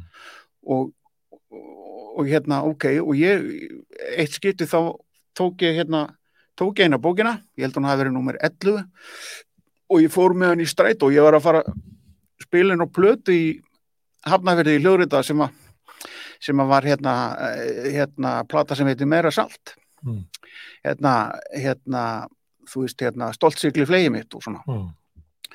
og ég settist þarna með bókina í hafnaverðastrætó og ég fletti bara eitthvað og byrjaði og fyrsta sem ég sá það var framburður konu sem heitir Guðlaug Konráðs Mm. uh, hérna og hún er svo sem að afgreiti þennan uh, svo kallega leirfinni eða þennan eftirlýsta mann hana, sem ekki vissi hver var Hafnarfirði, Já. og hérna og, og uh, sá hann best sko, líst honum svona nokkuð vel og, og, og eitt af því sem hún hún sagt kom fram í hennar frambyrði þessari fyrstu skýslu sem ég las hana, það var það að hún hafði séð Kristján Viðar og vissi að hann var sá sem var grunaður um að vera, hann var alltaf eini sem kom til greina sko. Mm. hinn eru svo ólíkir þessari leirmynd og þessari fígúru sem átt að vera að leita að þarna. Og, og þannig að, að hún hafi séð uh, hérna Kristján Veðar og, og, og hún, hún þekkt hann sko þannig að hún gatt, hún gatt með örgri vissu lísti yfir að það var ekki þessi maður, hún vissi hver það var sko og hérna og Það samt í sögunni á Já, sko, í dömu hæstaræðar, sko, 1980, þá stendur bara miða verður við Mm. að, að þetta sé Kristján Viðar. Svo þetta eina vitnið af þess að það væri ekki hann. Og, og fyrir utan að það voru fleiri vitni sem að voru látin í, í sangbendingu, sko, þar sem að Kristján Viðar var meðal þeirra sem var stilt upp og, og það, enginn sagði að það væri hann, sko. Mm. En þarna var þetta ansi afgerandi. Ég meina, þessi kona virtist að vera mjög glögg, sko, við þess að ég, ég talaði allir með þessu Óma Valdimarsson blaðamann hérna og, og hann sagði mér að hann hefði eins og fengið þessa konu í heimsókn og, eða komið heimsækjana, alltaf að tala við henni eitthvað og ljósmyndara með honum og hún þekkti ljósmyndaran Mm. Uh, en hann þekkti hann myndi ekkert eftir henni sko. En hún hafði unni með honum í fiski áratugum áður. Og, og þannig að þetta var svona mér fannst þetta marktakandi á þessu. Og þú veist uh, fimm, uh, fimm vitni sko sem að segja það, ekki að sé þessi og, og það er á meðal þessi sem að segja afgerandi að það var ekki þessi og þannig að þarna er þetta er ennþá bara það sem að er rákvæða fyrir mér hvernig hæsturreitur bara dyrfist að halda þessu fram Var það það sem varst að hugsa í streitunum? Já, þetta var það fyrsta sem ég sá. Og þetta vakti svona öðruvísi áhuga að minna á þessu máli. Og ég fór að lesa sko. Mm. og ég, svo fór ég allar þessar bækur og, og, og hakkaði þær í mig alveg næstu 2-3 árin sko. Og þetta var, til að þetta var ég var í námi þarna sko í, í, í tónlaskólanum og, og, og, og, og þetta var bara að fara að trubla mig verulega mikið sko ég þurfti að beita mig hörðu til að hætta þessu Mm. að því sko hérna, vegna þess að maður var að tala um þetta náttúrulega í einhverjum partíum og svona og þú veist, manni væri vel bara hent út sko, maður var svo leiðilegur Já. ég var algjörlega með þetta á heilanum um já, þetta var, þú veist hvað Ísvátt og Svalir. já, og hérna og, og hérna þannig að, að ég og, og síðan loknaði svona það var náttúrulega líka mjög aðtilsvært að það var engin umfjöllun um málið. Það var bara, fyrst voru þetta bara meðan að máli gekk á yfirreyslunar sem voru, þú veist, þetta var þetta voru tvö ár sko, sem, sko, sem að sævar veri einogrun, Mm. 106 vikur sko. Og eh, aðrir eitthvað skemur sko. Ekkert miklu ha. Svo Og- fellur dómurinn og þá er bara eins og Já.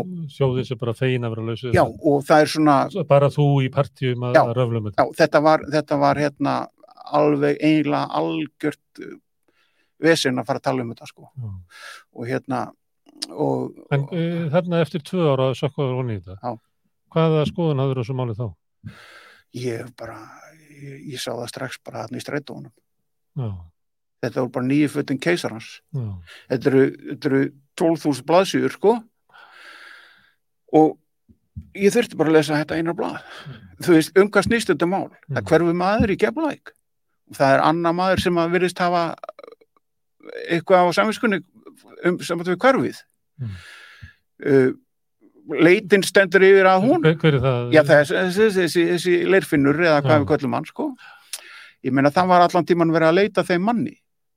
Þú veist hann, hann ok, en, en allavega þá, þá, þá virtist að vera kjarni málsins eftir þeim upplýsingum sem að lágu fyrir á þeim tíma Þú sást þarna eftir að hafa söktur honi í þetta og skoða þetta, eða sást að strax úr last fyrstu blaðsina, Já. þetta var eiginlega bara byggt á líi Já. og þú ert að segja öllum þetta og það er engin, engin á að heyra það. nei, nei, ekki mikið, nei, það var Svo breytist það svona upp á Já. 1990.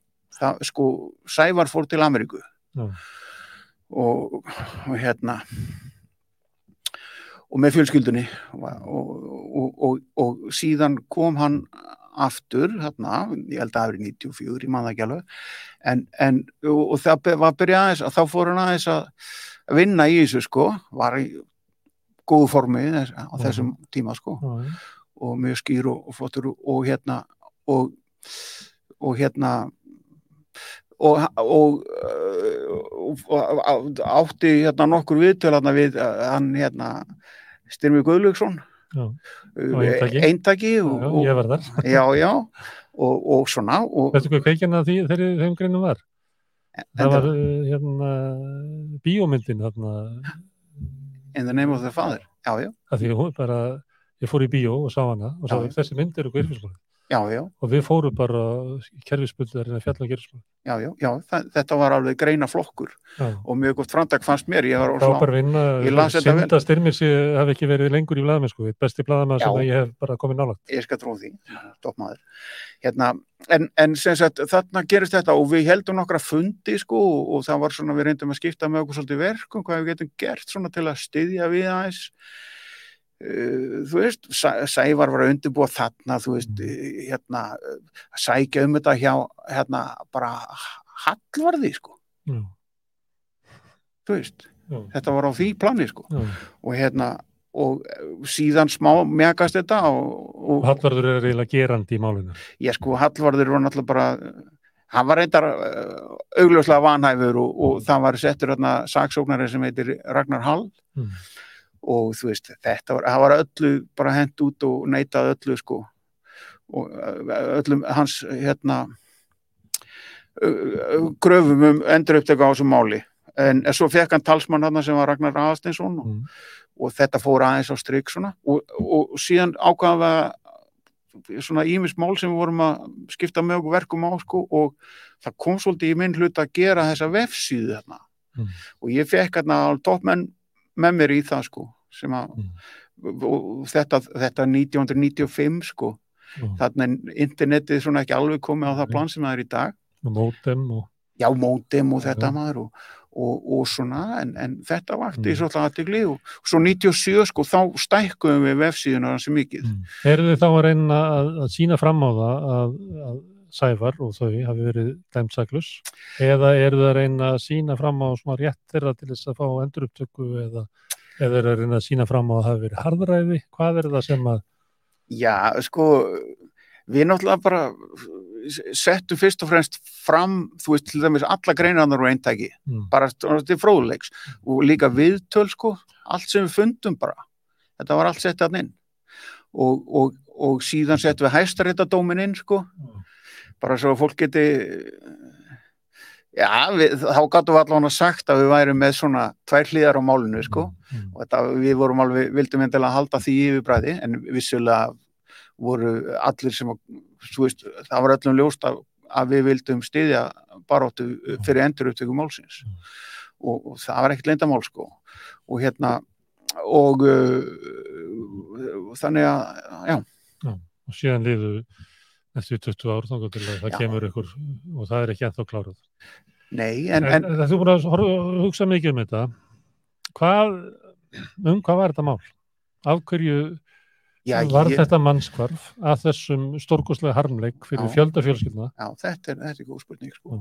Ég, ég hérna, hef einna helst þá hugmyndum þetta að þarna hafi bara hérna, þessir svo gullu rannsóknarmenn það, sko, seilst um skör fram í Mm. sínum metnaði.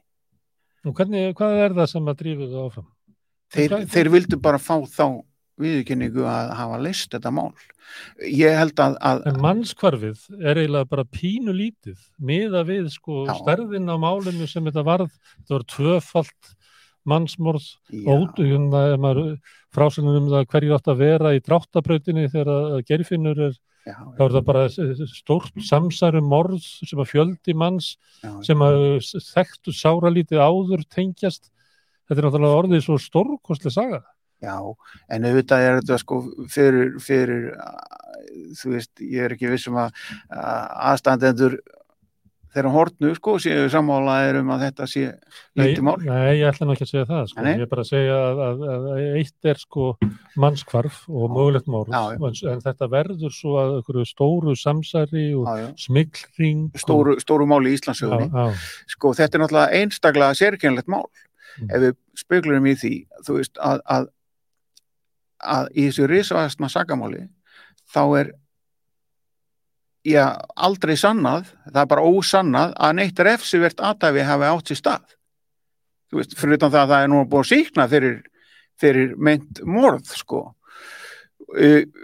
Það, en ég meina eins og þetta, leit út og hefur alltaf leit út, það, það voru engin lík og það er reyndar alveg til í dæminu, slíku luti gerast í, í, í sagamálum að það er dómar án þess að hann er lík finnist en, en hins vegar kemur bara sérstaðan aðeins betri ljós þegar að við höfum í, sko að þetta eru, þetta eru tvö mannskörf og það í er lík og í hvorugumálinu er morðvott og í hvorugumálinu eru neinn efnislega sönnunagögn, það er ekkert spór hár eða blóð eða fingrafara eða neitt sem tengir sakbótninguna við hérna hortnu sko Mm. og, og, Nei, og Guðmundur á að þrátt vera- fyrir, þrátt fyrir að vettvangar, myndi vettvangar séu báðir þekktir sko. og ekki í bílónu þar sem að líkin áttu að vera Nei. Nei, nei, og, og, og hérna, vísbaten rannsóknir og svona, en síðan er það líka, það er engin utakomandi vitni til staðar. Þetta eru bara sakbortningar að bera sakir á sjálfa sig og hvern annan. Það er reynt til málamynda að, búa til vitni í báðum málum og það er bara hlægilega tilrunir. eins og gemur dæmi um það Já, til dæmis í gerfinsmálunu þá er það Sigur Óttar Hreinsson Mm. sem átti að vera bílstjórin á sendiverðabílnum Mm. Og það, veist, það ég, ég fer ekki út í að það er, það er svo fáranlega hugmynd sko. Mm. það, en, hún, er, hún er alveg hérna, ólýsanlega bara astnaleg Mm. og síðan heitir hann Gunnar Jónsson sem átti að vera vitni, hann var sóttu til Þýskalands eða til Spánar held ég Mm. uh, og, og, og það faru með hann í Hafnafjörðu og hann síndar alla staðhættir í á Hamarsbrutt og síðan átti hann að lýsa þeim sko á, á blaði og, og alveg, alveg er það svo sem að áttu að hafa komið inn og séð allt í eða? já, já, eða bara ykkur neginn sko, þetta, þetta, það, hann er ekkert vittnis á maður og enda líst af mjög sterk atriði með honum í mynd Sigursteins Mássonar þar sem hann hann fórna bara höndum sko hann var ekkit aðna og, og viss, vissi ekkit um þetta fergar en aðrir. En síðan er líka það að þú veist að það eru hund, sko 106 vikna gæsluvarhald en eftir þann tíma er að koma nýjar játningar. Þetta gerist ekkit svona. Menn er ekkit að játa á sig nýja hluti. Sko það er, það er tvær vikur max. Þá, þá ertu búin að játa á það sem þú ætlar að játa. Ef þú ert í, í, í einogrun og gæsluvaraldi það, það hefur engin svona útald, það hefur bara marg sannað Mm. það er ekkert ekkert að, að, að, að sko, ef þú ert ekki búin að játa allt sem þú þarft að játa eftir, hvað maður að segja það var tilbúin. 50 vikur. Það e- einogrun þetta séð að eftir það séð að já, þetta, bara, þetta er bara enda, enda er það við, við erum alltaf að tala um líka hluti sem að hæstiréttur er búin að síkna fyrir Já, þannig að, en, en eftir sita þessar fyrðulegu röngu sakagiftir og það er, það er það eina sem situr eftir af þessu máli. Og hérna og og hérna skal ég segja að að, nú var, var verið að neyta erlu um endur upptöku á þessum þætti málsins sem er það sem hún er dæmt fyrir Jón Danielsson hérna, bladamaður Já. sem að kannski kemur reynda til okkur ekkert um hann var Já. að skrifa grein í kjarnan í dag þar sem hann segir eh, er að færa rauk fyrir því að það sé eiginlega augljóst að, að sagan sem að þau segja og eru hennar rángu, rángu sakjæðistur hafi átt upptök sín hjá lauruglunni. Já, ég tel það líka sko, alveg, alveg klart. Getur þú samfælt með um það ef að ég var einmis? Já sko, já sko, ef við byrjum bara á því að við við, við, við, við áttum okkur á því að hæstiréttur síknaði alla af þessum mannskvörum uh, en ekki af raunguð sakagiftum. Hann reyndar gleymdi þarna atriðum eins og það að, að, að, að Kristján Viðar er ennþá með dóm fyrir að hafa stólið, þú veist, penna eða eitthvað álíka. Sko, en, en þú veist, þetta var ekkert sko Mm. ég, þú veist, reyndar hæstiréttur síknaði algjörlega án útskýringa Mm. vegna þess að, að saksóknarinn og, og verjendur Já. voru bara sammála um að að síkna og Já. þetta var eiginlega bara Saksónir laðið til að málið verið fellniður. já, þetta var svolítið ansið furðulegt sko En af hverju ert þú vissum það að, að sagan hafi verið mótuð af lauruglunni áður en að hún kom út úr sæfæri erlu og... Já, ég er bara búin að svona ég, eh, sko ein, ein, ein eitt, eitt atrið er náttúrulega það að, að hvað er mótífið ef að e, þeir komu hvergi nálega mannskvörunum eða sem mannskvarfin í Keflæk Mm. sem er núna samþykkt af öllum að, að, Þeir eru ekki að bera sök af sér. Nei, þeir, þeir, þeir hafa ekkert mótíf til að. Mm. sko búa til hérna rángar sakagiftir á, á, á einn eða neitt þau eru bara veit ekki um þetta, þetta eru bara krakkar sem eru 19 ára 20 sko og þau eru þarna og, og, og eru bara að drekka sitt te og, og, og, og eitthvað Mm. og svo kem, hverfu maður og það kemur í blöðunum Þannig að þú- þá að í domnum að þá eru þau dæmt fyrir rangasakíkiftir sem að þau báru fram til þess að koma sök af sér vegna þess að þau höfðu hérna, myrt og tekið þátt í, Já. í þessum Já, þar sjáum við mótíf. Já. En en, þegar það að er farið- farið að þá setja eftir að þau bera rangasakíkiftir á þessar menn Já. og þú spyrði af hverju? Ég, hvers nætti að gera það? Ég meina, myndið þú láta þetta þetta í hug ef að, ef að væri nú bara settir í morgungaffinni í fyrramáli og læsi mokkan og það er einhver maður horfin og myndir að láta þetta þetta í hug að fara Þú að, se, það. að, að segja ég hafi gert það Mm. að því að hérna, því að hérna ef að þú skildi verið tekin eftir eitt ár, Mm. rúmlega vitandi að ég hef ekki komið nála til þessu nei, nei, og þú veist já, þetta er þetta er, þetta er, þetta er svona ok, það er sem sagt að eh, af hverju ætti þá lögreglan að láta þau segja þessa sögu eða færa þeim þessa sögu til þess að segja. Það er alltaf bara ekkert svo öðvöld að útskýra það nema að maður maður bara hérna sjáu það að þetta getur ekki verið svona. Og þá er bara, þú veist, þeir voru það, við sjáum það til dæmis að sko í 76 f- bara fljótlega eftir að það er farið að þetta gerfinsmál er komið í gang svona, búið að handtaka þessa fjórmenninga klúbmenn og Einar og Valdimar eða reyndar bara þrjá fyrst, Sigurbjörn var aðeins setna sko, Mm. en hérna að þá, þá er til dæmis yfirreysla yfir Erlu Bollandóður þar sem að segir bara reynd og beint sko Erlu hafi verið síndar myndir af 16 einstaklingum Mm. sem lauruglan tilur líklegt Mm. að hafi verið í dráttabreyt keflaðugur 19. november mm. 16 manns, 16 myndir já og hérna og hann það- hjálptir kom með þennan lista hérna. já ok var en, en, en Gulli sko sem já, já, já, já Ásker Hannes og, Hannes og þú veist, bara fullt af fólki sko. Mm. en sérðu, þarna er þarna, Erla, hún þekkir suma Já. hún þekkir nýju af þessum 16 Já. og telur þá upp og hérna, þessi nýju þeir eru allir sko þekktir, eða svona businessmenn þeir eru, eru menn og viðskiptum og stjórnmálum Mm. á Íslandi þannig að það er verið eins og lauruglan hafi verið alveg viss um það að í dráttaböð keflaðugur hafi verið þarna þetta kvöld ykkur stjórnmálumenn eða við, menn og viðskiptum Mm. í einhverjum stórum smiklring sem Já. þeir eru alltaf að fjúpa Já, og, og hérna, en, en þeim gekk svolítið illa að fá Erlu til þess að eh, þekkja sko Sigurbjörn ein, hérna, hérna.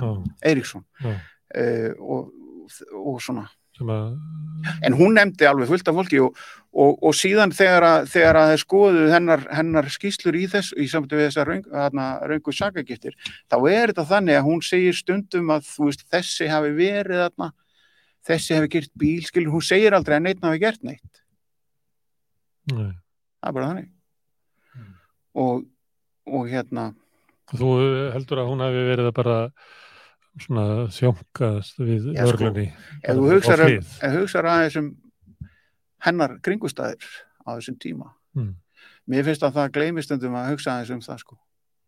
Hún er með, hún er með lítið bad sem hún er tekin frá sko. Mm. unga og, já, og hún er undir alls konar hún er undir miklum þrýstingi hana frá lögreglumannum mm.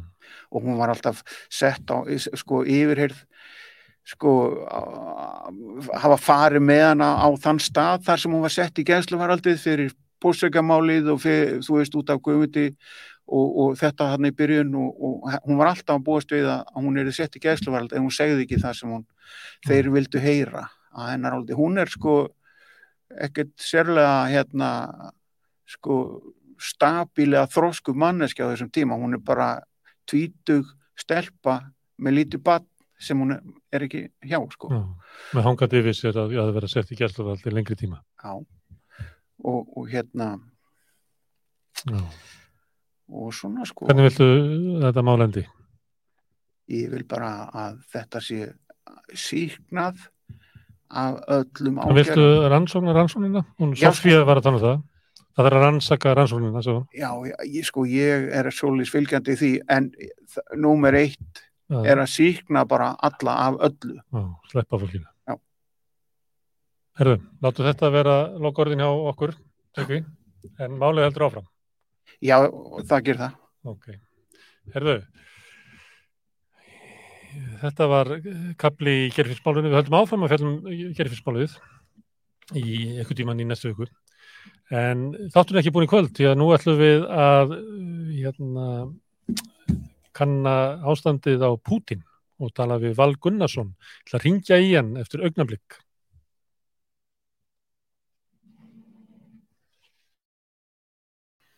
Já, þá ætlum við að uh, ringja til Slovakíu í Val Gunnarsson en við ætlum ekki að ræða vennu Slovakíu heldur um, um Rússland. Þú velkomin Valur. Hvað hva, hva segirðu hérna á hvaða vegferð er Rússland núna? Það er náttúrulega búið að vera á mjög slæmið vegferði í svolítinn tíma. Það er uh, stríðið verið að tapast núna eiginlega svo hratt að það var alltaf að fylgjast með því. Um, Úkrænumenn verið að haga sér óbúinnslega skinsamlega. Það er að segja í byrjun september þá tóku þeir Kharkiv hér að uh, og uh, en, en pössu sér að því að fara ekki of langt. Að segja hættan er þegar menn sækja áfram að, að þið fari of langt og, og þinni þannig út eigin sveitir og, og byrðalínur en, en, þeir svona taka þetta skref fyrir skref þannig að uh, það er mjög erfitt að sjá að, að rússar geti, geti snúið þessu tabli við og, og þessi 300.000 manns sem hefur vera sem hefur búið að kalla í herin þeir hérna ég, þeir væri kannski nót til þess að stöða sókn úkrænumanna en uh, hérna en, en það er eitthvað líka því að þeir eru þjálfaðir að komnir í bráð þannig að hérna Jókvæmmenn er vonað örgulega að þetta sé að, að klárast en hitt er náttúrulega annar mál að Pútín mun ekki gefast upp og, og, og getur aldrei sætt sig við það þannig að hann, hann verður með einhverju, mæti, einhverju móti að halda áfram. En uh, þú ert að lýsa stríðinu, þú vonast að það klárist. Er, er fólk að vonast til þess að Úkrænumenn reki í rúsneska herin út úr Úkrænu uh, bara á næstunni? Já, það er það sem menn segja, þess að hann farin að finna svona líktina af, af sigri en, en uh, hvað það merkir að þeim takist að hrekja rúsa út frá hernundu svæðunum nema krímskaga uh, það, það er spurning hvort það takist, hvort það takist á næstu dögum, vikum, mánuðum og hvað það síðan merkir, hérna það er uh, það er náttúrulega er, er krafa á Pútín frá einhverjum á segin mönnum að, að, að, að gera eitthvað, að eskalera. En það er spurning hvað, hvað hann nefnilega getur gert af því að hann er búinn að kalla að hafa almenna herrkvaningu uh, þannig að það er ekki sé, séðilega hvað hann raunverulega getur meira gert til þess að stöða þessa gagnar og súkrænum hana Hann getur alltaf sendt þessa hermenn á vývöldin. Þeir eru nú alltaf komnir á hvað núna, þeir eru bara í þjálfunabúðum kannski. Jú, jú, þeir þeir eru búin að gefa út af þessi 80 þjálfunabúður en þá verða þeir líklega svo illa þjálfaðir að, hérna, að það er ekki víst að þeir geti, geti riðin eitt bakkamunn þarna. Hmm. En af uppröður spurningunni, hvað er að gerast í Rúslandi? Er, eru líkur á því að, að Putin geti mist völd? Ég held það að frá upphæðu stríðsins hafi orðinast óhjákumilegt að Putin missi völd, spurningum hvenar uh, og það auðvitað veit engin en, en það gæti nú jafnlega verið að bara tala til það í dögum. Hérna, uh, það vil svo til að núna held ég að förstu dag einandur um helgina þá á hann stjórnsamali sem að verður auðvitað talsvöld öðruvísi hátíðarhöldur en hann hafi vonast eftir. Og hérna mann grunar að, að, að það hafi verið einhverstað í bak höfðinu á honum að, að þannig að verða mest í mest í rúsneski sigurveri alltaf tíma og fagna sjötusammalinu með glans en í staðin það er hann búin að missa tökin ekki bara á stríðinu heldur á frásögninni líka. Hann getur vel ekki lengur sagt að þessi sérstak hernaðar ekki þannig að hann kalla út hérinn hann getur hérna hann var líka erfitt með að lýsa yfir Sigri að einhverju leiti um, þannig að hann er komin mikið vanda þannig að sko mann grunar að rúsa skiptist í tvent uh, án þess kannski endilega að sluppa á hlutföllin. Það eru þeir sem að er að móti stríðinu og vilja einfalla til júki en síðan er það hinnir sem að hérna, finnst hann ekki að vera ekki nóg langt.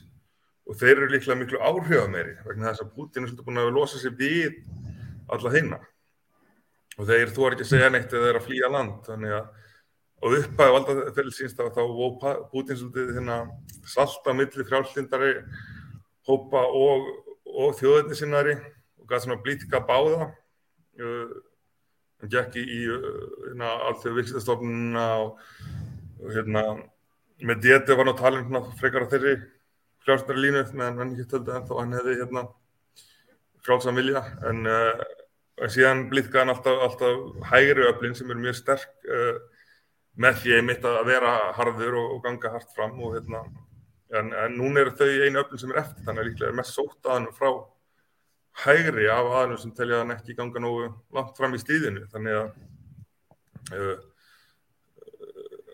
já það Þú ætti að spá því að hann geti fallið á næstu dögum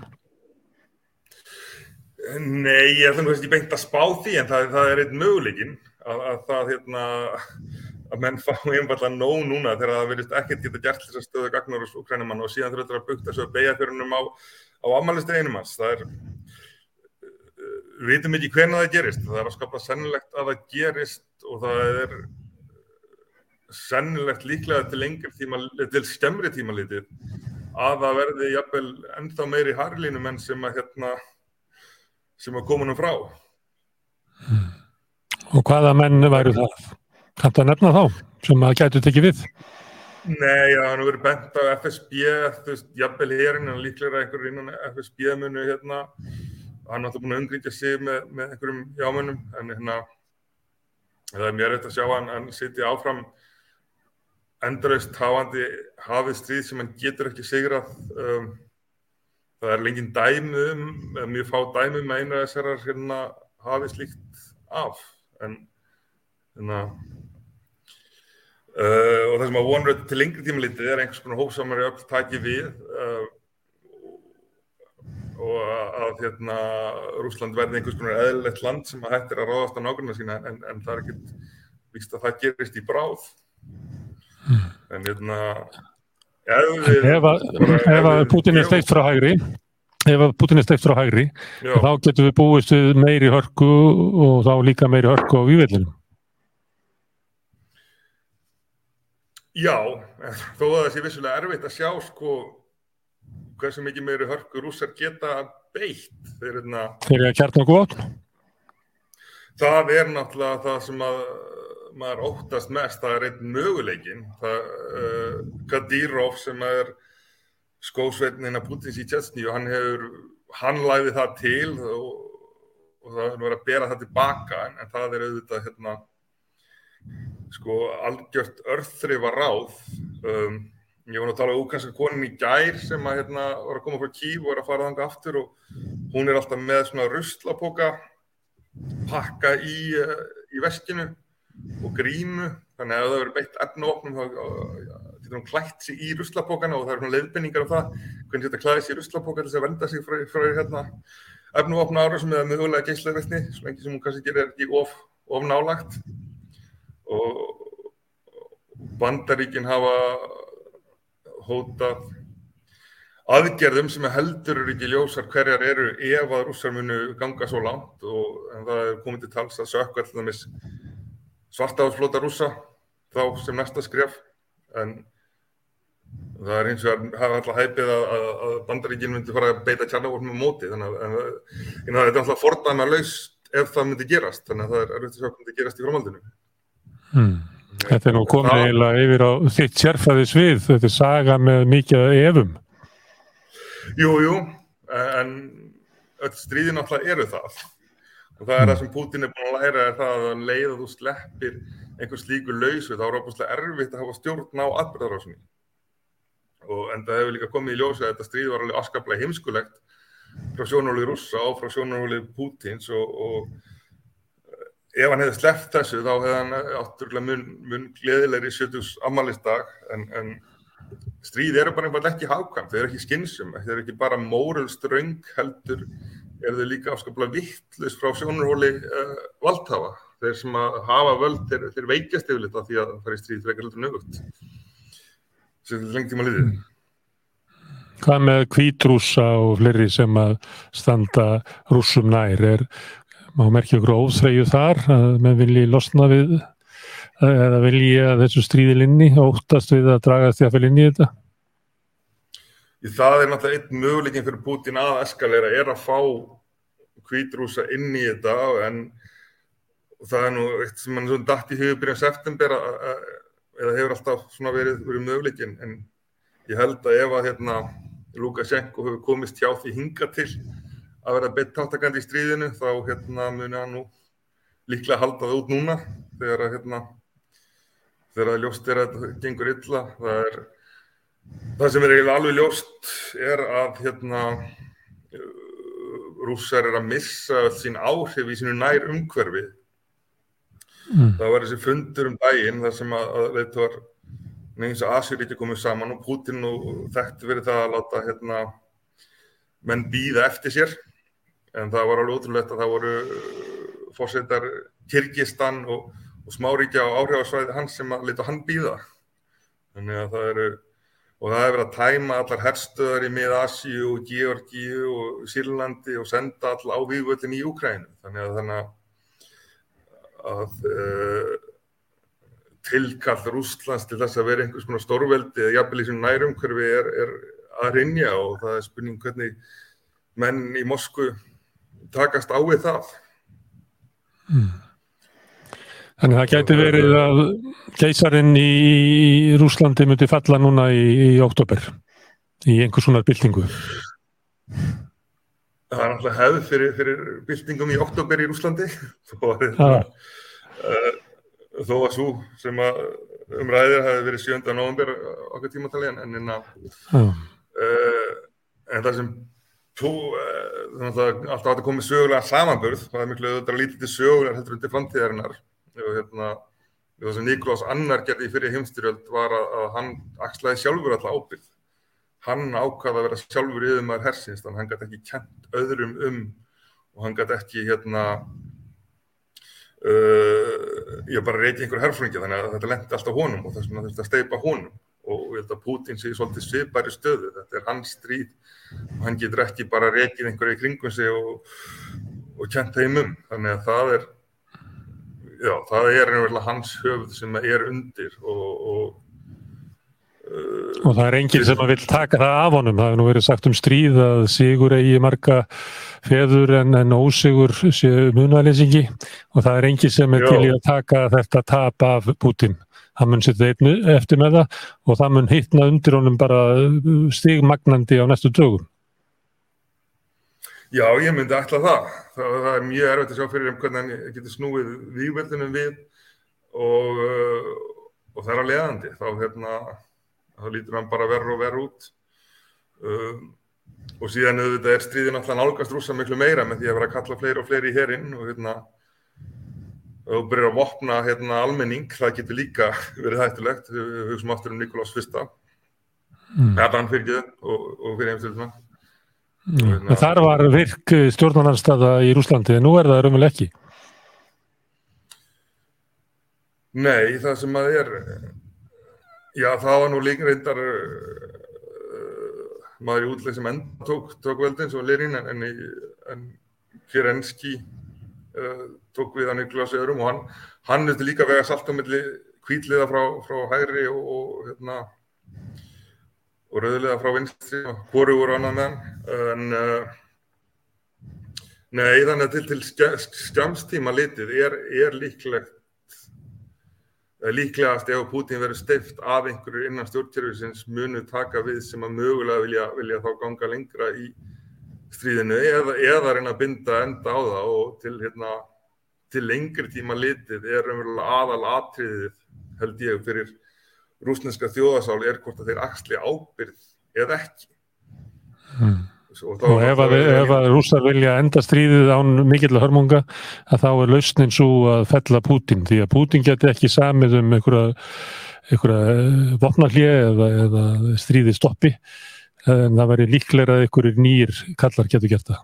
En það það sem að Já, verður að lesa fyrir út úr þessu. fyrir utan það að Selenski sjálfur er búin að gefa það út að hann vilji ekki ræða við Putin en, en sko, Putin getur eiginlega aldrei komist upp með það að segja bara sorry þetta, þetta var mistök, hérna, við ætlum bara að kalla hérinn tilbaka og láta eins og ekkert hafi í skorist. Það er hans arleið, hans völd, hans orðspor og allt hlýtur að standa falla með þessu stríði og, og hann verður að knýja fram sigur eða halda því áfram. Það er eiginlega óhugsandi að hann getur sagt sér við nokkuð minna og núna alltaf líka getur hann ekki heldur dreigið tilbaka og sagt við ætlum nú bara að viðurkenna þess að hluta Donbass eða eitthvað slíkt. Hann er alltaf búinn að innlima þessu fjögur svæði í Úkrænu.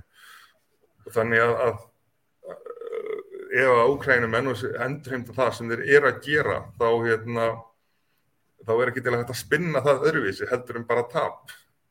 Mm. Það er barist núna og þeir eru að missa land af því sem að þeir eh, Putin var að innleimin í Rúsland fyrir skömmu síðan. Það er umvöldlega frá hans sjónarhóttni þá er verið að berjast á rúsneskri uh, jörðu. Já, sem að er uh, þar að leiðandi miklu meiri ósigur fyrir hann að missa það heldur en uh, ef hann var ekki búin að gera það. Hann hafði miklu fleiri valkostur umverulega í sumar heldur hann hefur núna. Uh, með því að, að lýsa því yfir þetta sé rúsnesk grund þá er hann að gera nokkra hluti. Eitt er það að þá getur hann sendt herskildu hér á þessi svæði því að samkvæmt lögum þá má herskildu hér ekki vera sendur til útlanda og bara berjast til að verja Rúsland sem að þar að leiðandi þetta er orðið samkvæmt þannig að einskilgrinningu. Uh, auðvitað getur hann líka sagt að þetta er árás að, að þetta kallar á, á beitingu kjarnarkvopna, hann hefur svona í aðýstundum en ekki, ekki gefið það út og, og kannski er hann líka vonast til þess að þetta muni ebla rússa í því að verja sitt land sem þeir hafa jú alltaf verið góðir í, í sögunni við erum mm. ekki illa í árásastríðum en þeir eru alltaf, alltaf tekist að, að, að reykja innur á segja á höndum sér en, en það er ekkit víst að, að og sem er frekar ósynlindar rúsnesku almenningur muni, muni alveg kleipa það en, að En höfum við mælingar um það? Höfum við mælingar á, á hvaða fylgi Putin nýtur í dag sem að er tristað á? Nei, það ekki svo ég viti, það náttúrulega eru bara þessi hérna hundruði þúsundir sem eru að kjósa með fótunum eins og sagt er og eru að flýja land.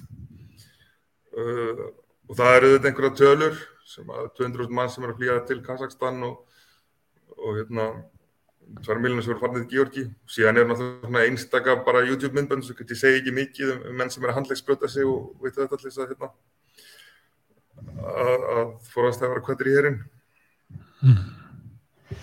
Herðu Valur, hérna þú segir fréttir, þú spáir falli Pútins, eða svo gott sem, á allra næstu dugum. Ha, Við heldum áfram að Nei, fylgjast ég með segi þessu. bara það, það, það, það, það er mögulegs vissmynd. Já, ég held, ég held að falla standi fyrir Já. dyrum hvort er næstu dögum, vikum, mánuðum, vitum við ekki, en, en, en, en það færist náttúrulega nær með hverjum, hverjum sigri í Úkrænum sem ekki laður á. já. Nei, þú ert að spá hérna í um framtíðin og við gerum okkur grein fyrir því að það er erfitt, við ætlum ekki að hérna, rukkað um þetta, en, en við fylgjumst með hérna, stöðu Pútins í Rúslandi við rauðaborðið á næstu dögum. Ég þakka Val Arnóð uh, Val kjærlega fyrir og þar með slægi botnin í þennan þátt í kvöld og minni á að rauðaborði verður hérna á morgun klukkan átta að þá fjöllum við um einhver allt önnur mál. Takk fyrir í kvöld.